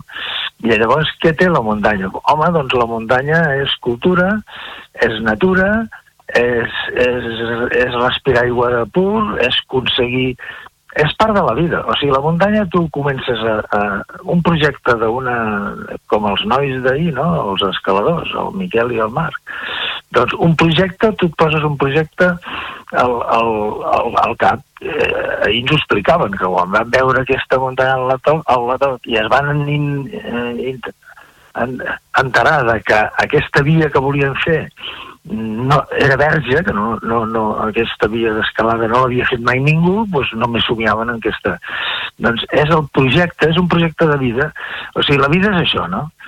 Tu quan neixes estudies i treus una carrera i, treus, i ets vocacional i, i lluites per allò fins, fins a aconseguir-ho, no? Doncs, bueno, és, és el mateix, és, és l'exemple de la vida, és la superació, és, és superar-te tu mateix. I a més, cada vegada amb més seguretat, amb eines, amb, amb... Clar, ara, ara ens trobem l'efecte Covid que jo dic, no? L'efecte Covid que ha passat? Doncs la gent, amb això de la pandèmia i de, del confinament i tot això, doncs s'ha llançat a la muntanya, massifica la muntanya. Tothom té dret a, a fer això. Però han descobert una cosa que, que només la coneixíem menys gent, perquè jo, per exemple, vaig, vaig començar l'escoltisme quan era jove, no? I llavors, bueno, doncs, tothom ha anat agafant camins eh, i, i, i ha anat prosperant i li han anat ensenyant. Clar, jo me'n recordo quan era jove, que vaig començar doncs, a l'ermita de Barrulles de, amb uns campaments que feien, doncs allí vaig començar a veure el que era. És un aprenentatge. Feien uns focs de camp, unes cançons, els, els mandos... Jo vaig arribar després a, a, a subjefe de campament del mateix, no? Va ser un, per mi una superació increïble. Llavors ja, jo era un nano i vaig arribar a ensenyar nanos. I què, i què ensenyava? Doncs la natura. Eh, eh, la, la morfologia, els animals, el, la, el que és la geologia, com s'han format les muntanyes... Eh, això, si, si t'ho van ensenyant i ho vas aprenent, és apassionant. És, és, és el despertar, és, és clar. És, per exemple, el, aquest cicle tanca, tanca el cicle un geòleg que es diu Cito Carcavilla, que és, que és, que és geòleg i alpinista, i aquest va explicar, o sigui, la seva passió, diu, per les muntanyes el va portar a estudiar geologia, per entendre com es formen. Veus? A- Això és un exemple de que, o sigui, per, per, per assabentar-se de com es formen les muntanyes, estudia una carrera. És com el metge, que és vocacional i estudia medicina, i resulta que ell gaudeix de, i si és un, un que està a la investigació i que descobreix un virus, un tal, de que... Eh, això és apassionant. Doncs la muntanya té, té un camí semblant, no? És la superació personal, és el coneixement. Està dintre del coneixement. I té uns valors, uns valors molt I uns importants. perills. I uns perills, senyor També, Sales, també. Bueno, sí, bueno, però els perills s'han de...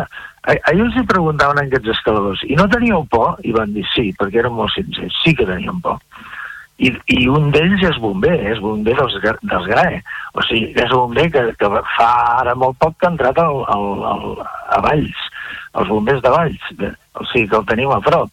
I llavors ell deia, clar, nosaltres tenim que fer rescats de muntanya eh, amb gent doncs, que, que doncs, ha tingut un accident i, i el anem a rescatar i, i, i llavors bueno, el salvem i el portem i no sé què però clar, ell en els moments que està fent aquella escalada doncs està posant en risc, o sigui, clar on està a la ratlla del risc? On està? Doncs amb la prudència. Aquest el Denis Orozco que, dit, que, que ha fet 27 mils, que té el rècord absolut sense oxigen, a més, doncs és, és una persona que no havia tingut mai cap accident. I ara estava al Pakistà intentant el Grasser Grum 1 per, per fer un... que aquest cim només s'ha fet una vegada a l'hivern i va caure amb una esquerda. No havia tingut en 28 expedicions, no havia tingut mai cap accident.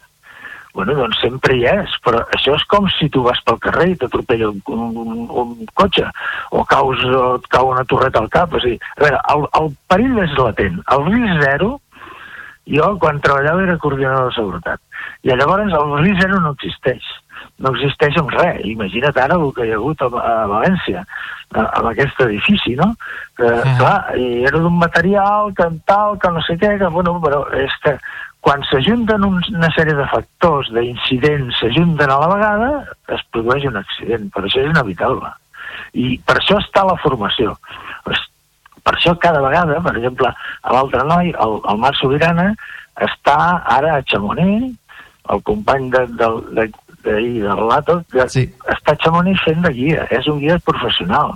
I és el que ensenya, o sigui, amb ell el, el, el lloguen per, per ensenyar doncs esquí, escalada i està als Alps.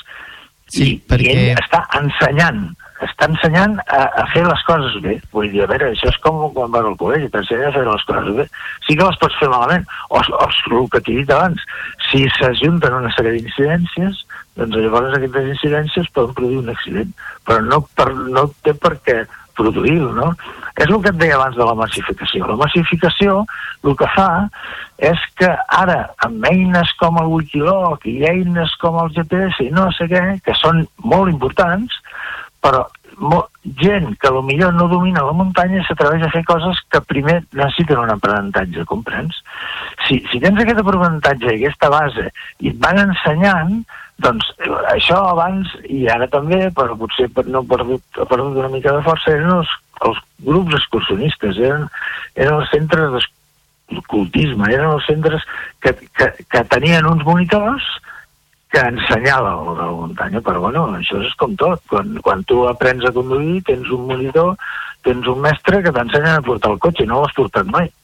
I, I després tens una eina que també te pots tindre un accident, et pots fer mal, depèn de com l'utilitzis. Però això hi ha les normes de trànsit, no? Jo diria que això es pot regular tot i es pot controlar. I també agafant una mica el, el, el fil d'aquest cicle, no? que al final també hi ha moltes projeccions, si no m'equivoco un total de quatre projeccions i, i un curt Mm. que es podrà veure i també ja preguntant una mica si és possible transmetre a partir d'una pantalla o d'un documental també tot el que significa estar a la muntanya, estar allà dalt una mica, si es pot copsar des del de el vídeo a les sensacions del que viuen els, els escaladors. Sí, bueno, llavors ja entrem en una... A veure, jo amb 17 anys que porto això i a 5 o 6 conferències per dia i documentals, doncs hi ha, hi ha de tot. Amb algunes doncs resulta que he sortit frustrat perquè em pensava que aquella persona que venia a explicar doncs no és un didacte, no és un bon explicador, o sigui, és un crac com a alpinista però no, no sap, això passa també amb els mestres, no? En una escola, en un institut, a la universitat. Si, si no és didàctic, si no ho sap explicar un professor de matemàtiques, doncs resulta que no, que no t'arriba. Eh, Això és el que passa aquí, no? Ara tu em dius, la realitat, doncs sí, si el tio és bo i sap transmetre i és comunicatiu, doncs tu surts d'allà entusiasmat.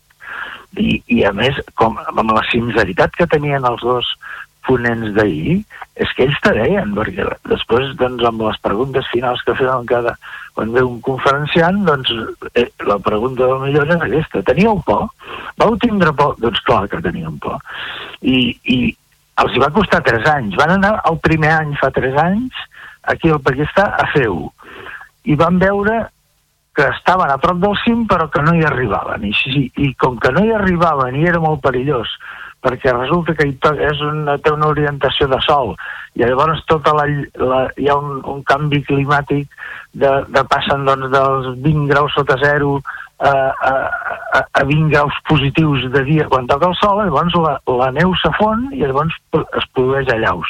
Si tu estàs al mig de la línia d'escalada amb una llau, te pot produir la mort. És que et pot, es pot, et pot arrencar perquè ells eh, s'han passat 30 dies a la paret amb unes tendes de campanya i tal. Bueno, tot això és una tècnica que jo havia fet escalada fa anys i això no, no ho hagués pogut arribar a fer mai perquè ja no era el que jo per- perseguia i potser tampoc tenia aptituds però re, realment jo els hi vaig preguntar, escolta'm, amb una fotografia que hi ha la línia d'escalada amb tota la dificultat, quin és el tros més difícil? I em va ensenyar un, no? Diu, veus, aquí està catalogat doncs, amb, uns números amb un, de dificultat. Aquest és, però clar, a lo millor un altre escalador, aquell tros, no és tan difícil.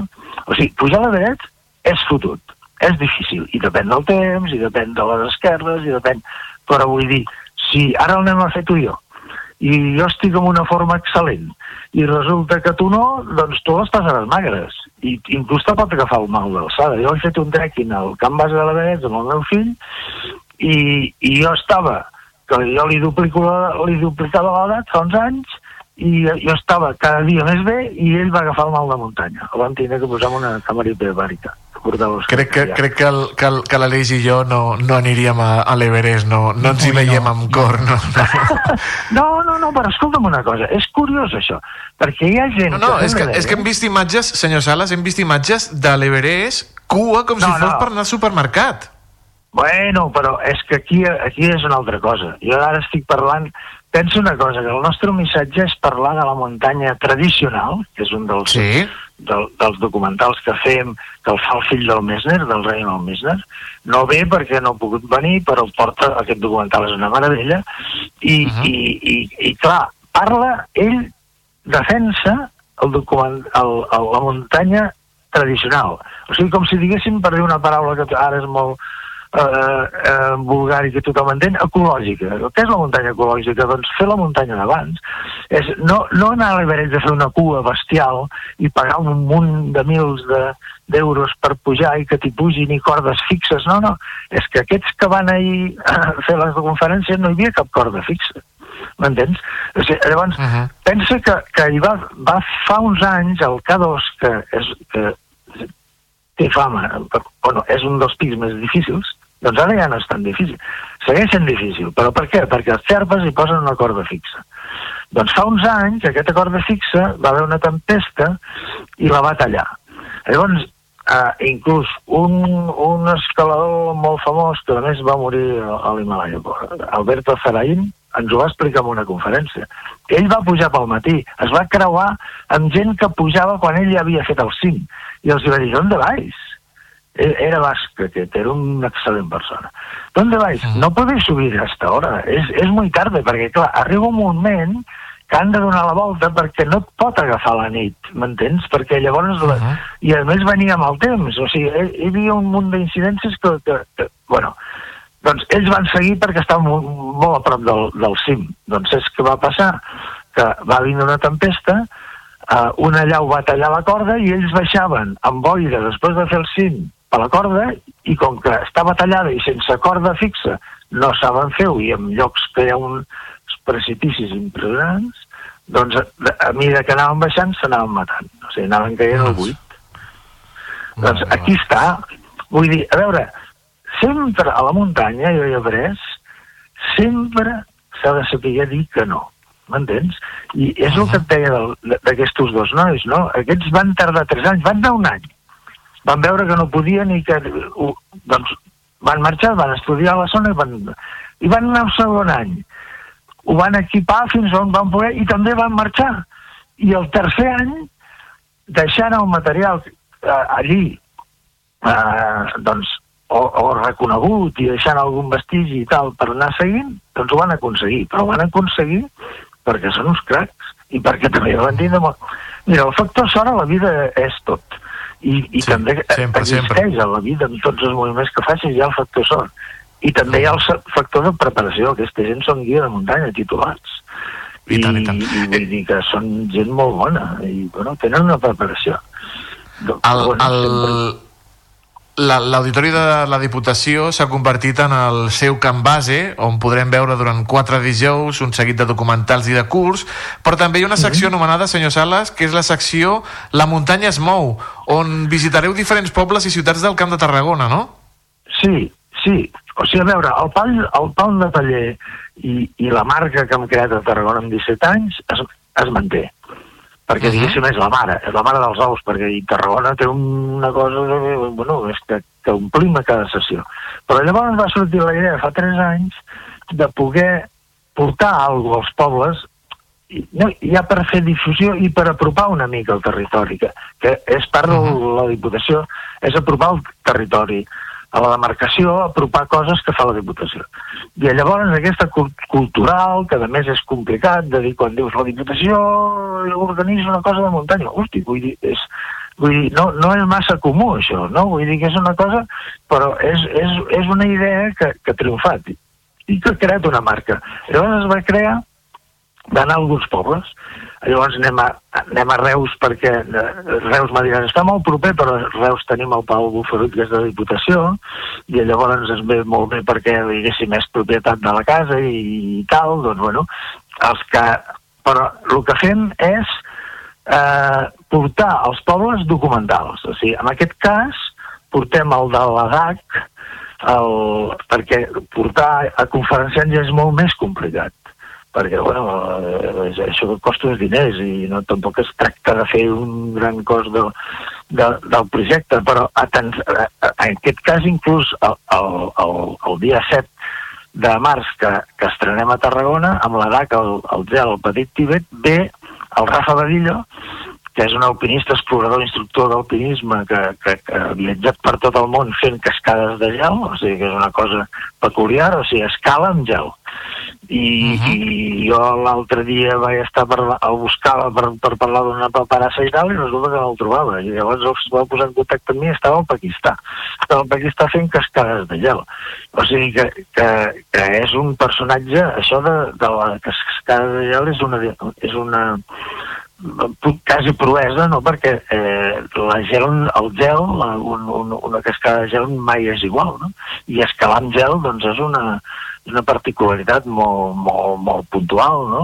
Doncs ens vindrà a explicar això, el, el, el, el petit Tíbet, no? que està a la Índia tocant el, el, el Tibet, i, i resulta que, eh, que, bueno, que aquest, aquest bon senyor ha fet doncs, 44 cascades de gel en tot el món, Lapònia, Sibèria, la Pakistà, Turquia, l'Àrtic rus. Va vindre a fer-nos una conferència parlant de l'Àrtic rus i, i ara ens vindrà a parlar de l'edat, no? I llavors això ho portarem a, a, a Reus, com t'he dit, a la Bisbal del Penedès, en posta, i aquest any, això, els dos anteriors anys ho havíem fet en aquests pobles, i aquest any m'ha ampliat a Montblanc. O sigui que portarem aquest... I això també és interessant perquè sí que els pobles doncs, no tenen bueno, Reus és diferent perquè doncs, eh, sí que té llocs i també poden tindre un auditori molt gran, però encara que sigui el, el, el local que hi càpiguen 100 persones, 120, ja n'hi ha prou, vull dir que, que ja, no, ja com, com ha dit no? vostè, com ha dit vostè, la feina de la Diputació és eh, portar doncs, la cultura i l'amor per la muntanya per, per, per tot el territori i aquest cicle em sembla fantàstic. Exacte. Eh, quatre dijous a la Diputació de, de, de Tarragona, també diferents dies. Consultin la programació a la pàgina web de la Diputació d'aquest cicle de muntanya. I és un plaer escoltar a gent amant de la muntanya com el Pau Sales, el coordinador d'aquest cicle, cicle de muntanya, al qual li agraïm que hagi estat aquesta tarda amb nosaltres aquí al carrer Major il·lustrant-nos del seu amor per aquest eh, element que és la muntanya, que com hem dit és tan bonica però també alhora tan perillosa si no se sap eh, portar bé. Exacte. Si es potència bé i s'explica bé i es fa la formació, no hi ha cap problema. Moltíssimes gràcies pel suport i Gràcies moltes gràcies a vosaltres. Estic a la vostra disposició. Una abraçada, que vagi molt i molt bé. Carrer Major, la proximitat del Camp de Tarragona. Yo, what's up? What's going on, yo? I'm sick and tired of 5 running up on the block, you know what I'm saying? Yo, Snow, they came around looking for you the other day. Word? Word, bust it.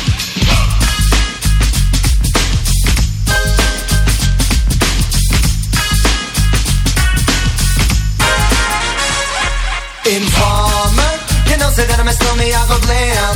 I like you bum bum down. Take the man that says say that I'm a stormy, stab somewhere down the lane.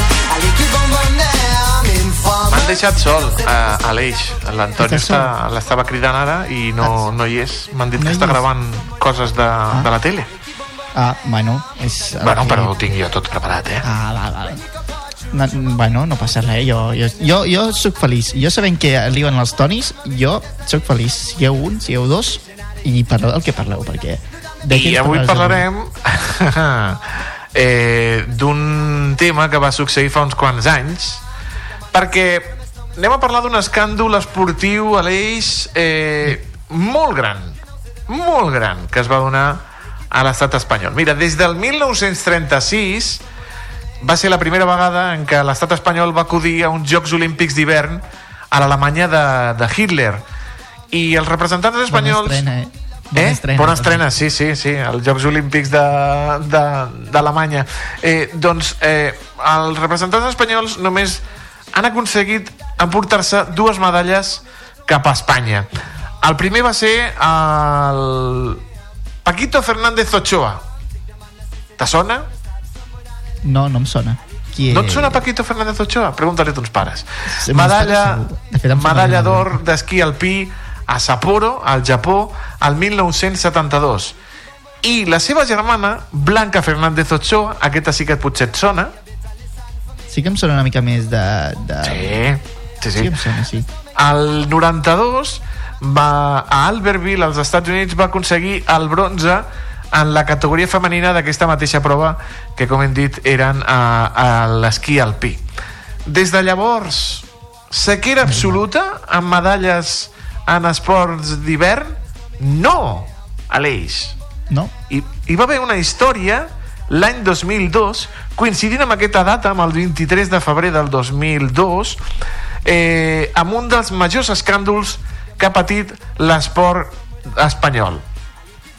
La història de Johan Müller, Juanito pels amics, durant una temporadeta, constitueix, com hem dit, un dels majors escàndols protagonitzats per l'olimpisme. La història d'en Johan Müller, Juanito, que va guanyar en els Jocs Olímpics de Salt Lake City del 2002 tres medalles d'or representant Espanya. Tres medalles d'or. Molt bé. Els mitjans de comunicació no van dubtar en encombrar aquell esportista nascut a Alemanya, eh, que durant uns dies eh, va fer que Espanya tots sabéssim d'esquí.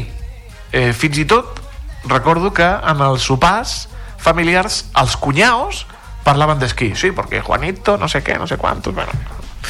Fins i tot el rei Juan Carlos i el president Aznar van felicitar en persona al Johan, que vivia en un núvol eh, assaborint l'èxit i les mels que era representant eh, a l'equip espanyol. Müller era un tipus particular, Aleix. Havia debutat en els Jocs del 92, els que hem dit, els de els de on estava la, la, la Blanca Fernández Ochoa en els jocs de mm, bueno, de, la, dels Estats Units de, de Johannesburg. Algun, algú ens devia ser algun, algun lloc amb neu devia. Albertville, Albertville, al 92. Però, al 1998, la Federació Alemanya va acabar expulsant a Johan eh, definitivament de les seves files per comportaments estranys que tenia ell. Aviat es va nacionalitzar espanyol i va ingressar en la Federació Murciana d'Esquí, que dius tu? Murciana d'Esquí? Existeix? Existeix? Sí, sembla Bueno. que sí. Fitxatge històric, eh? O sigui, imagina't, tu, tu, vas, tu ets una persona que estàs allà al, al, al, al d'això de, de, d'esquí de Múrcia, un dia entra, entra per la porta i, i et veus un paio alemany nacionalitzat espanyol que dius... Sí, sí. Increïble. Doncs el van nacionalitzar eh, a la Federació Murciana per competir a nivell internacional, aquesta vegada sota la bandera espanyola. L'objectiu era preparar-lo per aconseguir algun triomf en els Jocs Olímpics de Saint Lake City del 2002. Eh, tot i que era un tipus de tracte amable i que no queia malament, alguns dels seus companys de la federació no veien amb bons ulls que un nou vingut s'emportés tota l'atenció, quan ells portaven anys treballant molt dur per representar Espanya, el que has dit Els tu, no? Que, que de sobte obres la porta i què et trobes? A Juanito, a Johan, a Salt Lake City, eh, Müller va aconseguir guanyar tres medalles d'or. Després de les dues primeres, que van ser en 30 quilòmetres lliure i en 20 quilòmetres persecució, ja no era Johan, sinó que el van batejar com Juanito, heroi d'Espanya. Aquest nom me sembla que li van posar a José María García. I fill predilecte de Múrcia, també. Sí, sí. I adoptiu de la ciutat de Múrcia.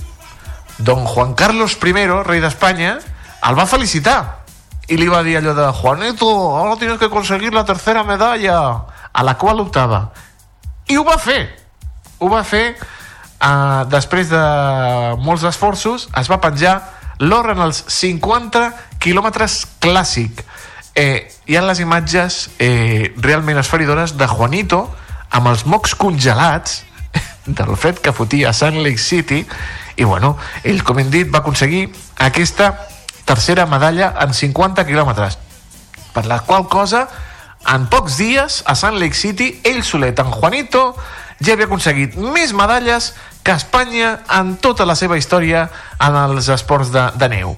En aquell Però- moment, Toni, Digues, devien digues. estar tots els polítics ja preparant la candidatura dels Pirineus de, dels Jocs Olímpics, devien estar ja tots fent totes les fent totes les, les d'això de dir tenim a Juanito, tenim no sé què, aconseguim els Bueno, Jocs Olímpics de... el, vol, el volia rebre el rei, el volia rebre l'Aznar, eh, Aznar deia, a mi me gusta practicar esquí de montaña, Juanito, no sé què. Bueno, el que fèiem l'Aznar, no? que se l'emportin a donar una volta per allà al- Però, què va passar? En 24 hores, tot es va trencar. Tot es va trencar. Müller va donar positiu en un control antidopatge realitzat hores abans de l'última prova i la Federació Internacional d'Esquí va decidir sancionar-li per dos anys i retirar-li totes les seves medalles.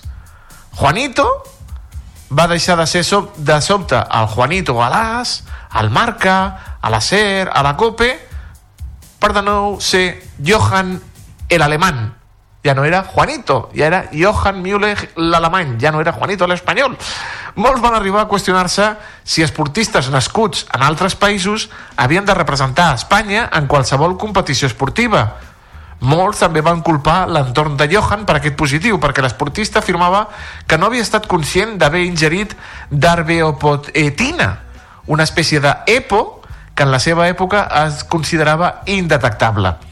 Finalitzats els jocs de Salt Lake City, Mueller es va sentir abandonat pel seu país d'adopció, per Espanya. Oh. oh. Què va passar? Doncs que va estar complint aquesta sanció. Sí, clar. I el 2006, un cop ja havien passat aquests dos anys de sanció, es va inscriure per participar de nou en la delegació espanyola en les Olimpiades de Turí. Vamos. Però, sí, Estem sí, sí. somiant, eh?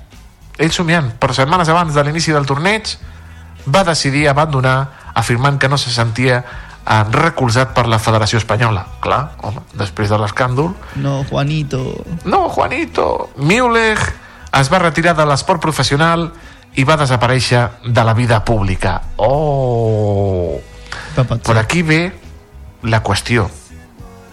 La seva mare va confessar lo molt que havia patit el negoci de la família. Tenien un hotel a Landaus, l'hotel Landaus a Greinau, que està a uns 100 quilòmetres de Múnich.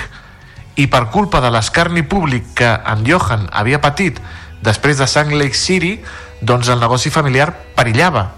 La Magdalena Müller, la mare de l'esquiador, va arribar a canviar-se el cognom per de, pel de Einban, Magdalena Einban, per no continuar perjudicant l'hotel.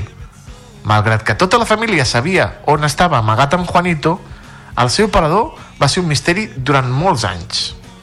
I Juanito va canviar la muntanya per la platja. Perquè finalment, un diari suec, l'Expressen, el 2014 va trobar a Juanito Müller. El seu nom, Juanito, Juanito apareixia vinculat amb una empresa constructora brasilera, la Jericons Construccions. I fins a Brasil que se'n van anar els periodistes de l'Expressen per buscar el Juanito a la porta de la seva empresa. Els seus treballadors no tenien ni idea de que el Johan al seu cap havia estat esportista olímpic ni coneixien la història del dopatge del seu jefe. Van explicar que estava casat amb una brasilera i que tenia una filla de 4 anys, que era un jefe amb el qual era molt fàcil treballar i que li agradava molt practicar surf. Finalment, la gent de l'Expressen van trobar el 2014 a Juanito Müller, a Johan Müller, que va dir als periodistes no vull sortir en premsa, no em feu fotos, no vull explicar res de la meva vida, ho he deixat tot enrere. I fins aquí la història d'en Juanito Müller. Escolta. Toni, Ma Toni Mateus, digues. eh, m'ha caigut superbé, superbé Juanito. O sigui, és una història de superació, d'acord? Un problema, un petit error, no el té tothom en algun moment de la Bueno, seva vida. un petit Qui no un error, no sé jo, Petits eh? errors que passen, si a més era una, una substància d'herbe o poetina d'aquestes que no sabia ni, ni, ni d'on sortia. Un error el té tothom, Toni Mateus, però si treus aquest puntet, aquest petit historial negre, la història de, de Juanito és de calaix. M'agradaria que tornés a Múrcia que fes una tornada i tornés que a fes una tornada triomfal d'aquestes de... obrint la porta, hola! A més a més era molt divertit perquè no dominava l'espanyol i, i clar, l'enxufaven amb la tele o li deia al José María García Juanito, buenas noches! I aquell, hola José María, ¿cómo estás? ¿Cómo estás? ¿No? Y estoy muy nerviosa, sí, muy nerviosa por mañana. Bueno, no, no. Nerviosa. Però bueno, eh, coses que passen. Eh, com has dit tu, un petit error. Bueno, Un petit error el té qualsevol Toni Mateos. També... Eh, potser dius tu que no sabia que s'estava fotent fins a dalt, no? la fabada asturiana aquella que es va prendre abans de sortir potser tenia alguna cosa que ell no sabia. Aquest, entre, aquest EPO, no? Invisible. Sí, clar, clar. doncs aquesta és la història del Juanito Müller. Doncs vinga, si et sembla, Sí. eh, estimat Aleix, anem amb la banda sonora. Cada tarda de dilluns a divendres fem parada a Carrer Major.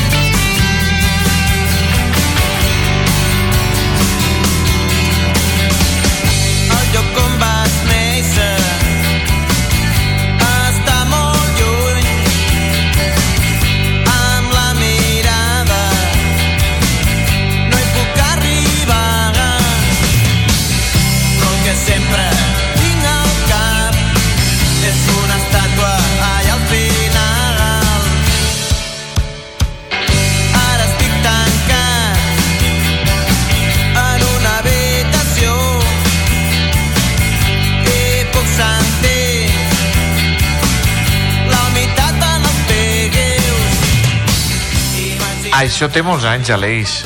Fa pinta, perquè quan a mi no em sona jo dic això, això ja és més de la teva època que de la meva. De la meva època, sí, sí, és un, un dels grups que sonaven en, en aquelles èpoques. Crec que els conec molt bé, però deixarem, estimat Aleix, que sigui el nostre expert en bandes sonores del Camp de Tarragona, que ens porta cada dia música amb el segell del territori, o música que té a veure, doncs, amb el nostre territori. Potser són grups que el seu cantant és de Reus, o de Valls, o de Terres de l'Ebre. Eh, L'expert, com ja saps, és el David Fernández des de la nova ràdio, al qual saludem. David Fernández, molt bona tarda. Hola Toni, hola Aleix, molt bona tarda. Avui hem escollit un clàssic, vaja, una cançó que no és pas d'ahir, sinó que té uns quants anyets perquè hem anat fins a l'any 1991 per tal de seleccionar aquesta cançó. Avui us volem presentar els Beatles, una formació nascuda a Tarragona l'any 1989 que va estar en actiu fins l'any 1996. Avui us posem els Beatles perquè mira, perquè ens ha vingut de gust recuperar una formació musical com aquesta, una banda molt divertida que es va fer un par de fer concerts que durant en aquella època, com que eren de la mateixa colla dels Pets, doncs van fer de taloners de molts concerts dels inicis del de, dels de Constantí i a poc a poc doncs van anar fent-se una trajectòria pròpia amb dos discos que ens van deixar. L'any 1991 editaven Ni cap ni peus i l'any 1994 publicaven el seu segon disc anomenat Dos minuts. Una formació que en aquell moment eren Albert Narrios a la veu, l'Albert Grau a la guitarra, la Núria Plana al baix, el Lluís Colino a la bateria i el Ricard Marjoan a la guitarra. Noms, alguns d'ells, que ens segueixen sonant, ja que formen part de la vida cultural tarragonina. Una banda que, sí, això es van desfer l'any 1996, però que després han fet algun concert puntual i els hem pogut veure amb alguna moguda o altra a la ciutat de Tarragona. Avui, doncs, recuperem aquesta cançó que es diu El lloc on vaig néixer, que fa referència inevitablement a la ciutat de Tarragona i que si la busqueu i escolteu la lletra atentament, doncs veureu que identifica alguns llocs, alguns carrers i algunes places de Tarragona. Avui, doncs, els Beatles, una formació carismàtica de principis dels anys 90 de Tarragona, és la banda sonora del dia del carrer Major.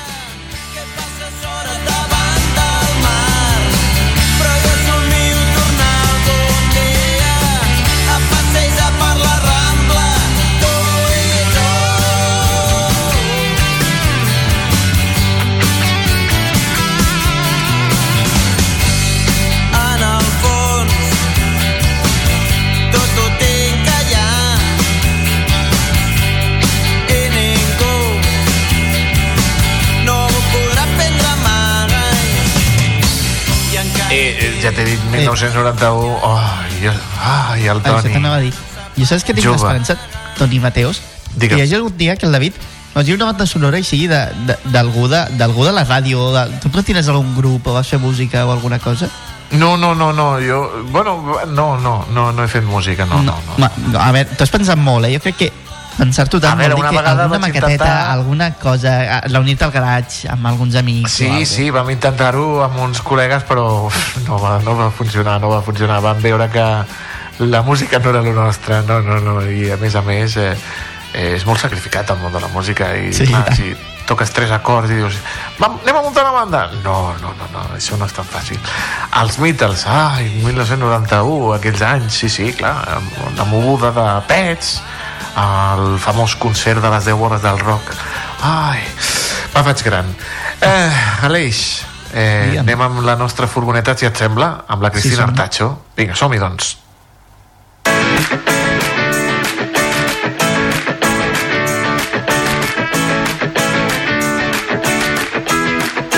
Què ens explicarà avui la Cristina Artacho? Fins on ha viatjat? Ah, és sempre un misteri. A veure, on ens porta avui amb la seva furgoneta màgica? Cristina Artacho, molt bona tarda. Hola, molt bona tarda i benvinguts un dia més a la Furgo. Avui des d'un espai exterior i molt bonic com és el, el passeig del- d'Altafulla. I m'acompanya aquí al costat la coalcaldessa d'Altafulla i responsable de l'àrea de territori, Alba Muntades. Molt bona tarda.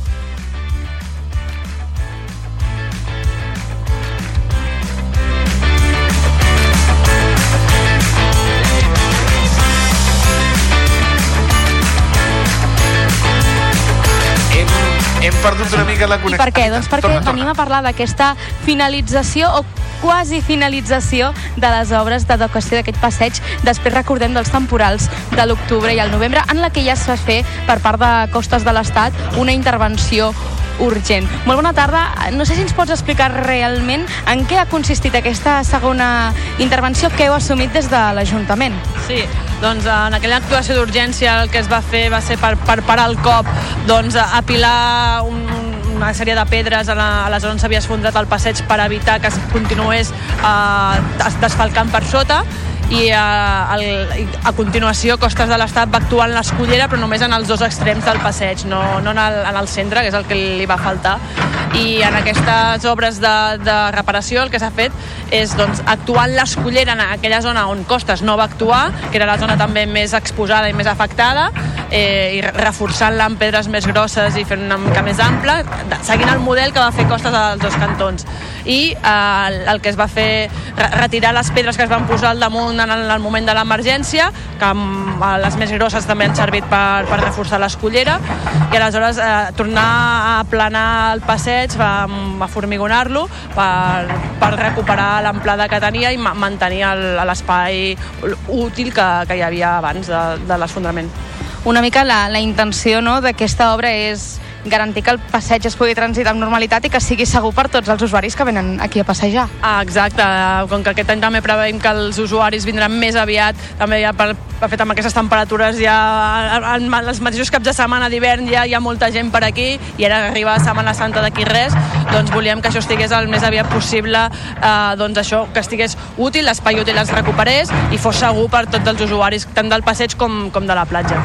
No sé com s'afronta no, des de l'Ajuntament d'Altafulla el fet que a causa del canvi climàtic és probable que aquest mateix any o l'any que veu quan sigui hi hagin més temporals que també tinguin algun tipus d'incidència amb el passeig. Exacte, doncs per això una de les raons per la qual s'ha reforçat l'escullera i s'ha fet aquest manteniment que eh, mai s'havia fet de, de, del, de l'escullera del passeig, doncs és per, per, per aquest motiu, protegir el passeig i més important i més enllà d'això, protegir les cases que estan adossades al passeig i que es recolzen sobre, sobre ell. És un espai, com deies, molt bonic i que més està reconegut com a, com a bé d'interès nacional en el conjunt històric-artístic del poble i per tant cal, cal mantenir-lo i, i per això doncs, aquestes obres sobretot de reforç de l'escullera han anat encaminades a, a protegir el passeig però perquè el passeig protegeix la, les cases. A partir d'aquí a veure com, com s'engloba tot això amb l'estudi que estem duent a terme la de, de l'OPC de, de corrents marins i la distribució del sediment que ha de permetre doncs, eh, estudiar un, un, una solució a mig termini i que també ha de lligar a veure com ha de ser aquest passeig amb aquest mig llarg termini que, que quasi que pugui ser una solució estable per aquest, més o menys estable per aquest entorn inestable. No perquè comentàvem no, aquestes dues intervencions que s'han fet els darrers mesos, una per part de Costes, una per part de l'Ajuntament. No sé com és realment aquesta relació amb Costes de l'Estat, i què és responsabilitat d'aquí, perquè també heu tirat endavant o teniu la intenció de tirar endavant aquest tràmit perquè el passeig sigui propietat d'Altafulla com a tal. més que propietat és això de re, re, um, responsabilitat d'Altafulla. Eh, sí, eh, fins ara aquest passeig està construït damunt de domini públic i per tant el domini públic és responsabilitat de, de l'Estat. En aquest cas l'Estat ens va comentar que ja no, no es feia responsable del manteniment de, ni obres de reparació de, de passejos marítims i ens va encoratjar a demanar aquesta, aquesta concessió per poder fer-nos càrrec del manteniment des de l'Ajuntament. I aquests són els tràmits que s'han començat ja i que es van aprovar de fet en el ple de gener. Un, un dels tràmits que es requereixen que és aquesta voluntat del ple municipal d'assumir aquesta nova responsabilitat per part de l'Ajuntament. Doncs eh, aquest és un dels tràmits que es necessiten. A partir d'ara també els serveis tècnics estan encara treballant en l'elaboració de tots els documents annexos que hi han d'anar des de plànols, informes, estudis de corrents marins, diverses eh, eh, doncs això, documentació que se'ns reclama i a partir d'aquí, doncs, quan ho tinguin tot a punt, ja es farà aquesta petició formal a la, a la Generalitat de, perquè ens donin la concessió del passeig que es demana per, per uns 15 anys. Evidentment aquesta concessió, no, que arribi aquesta concessió serà una cosa que anirà cap al llarg termini, no, que no es fa d'un dia per l'altre. Exacte, però de facto ja l'hem començat a assumir amb aquestes obres que hem fet, que les ha finançat l'Ajuntament i ha mantingut el passeig l'Ajuntament. Uh, la diferència és que ara hem hagut de demanar, com que això encara no tenim la concessió, hem hagut de demanar l'autorització formal d'aquestes obres a costes de la, de la Generalitat i de l'Estat i quan se'ns hagi donat la concessió del passeig ja no haurem de fer aquest tràmit d'autorització perquè ja tindrem l'autorització de la concessió.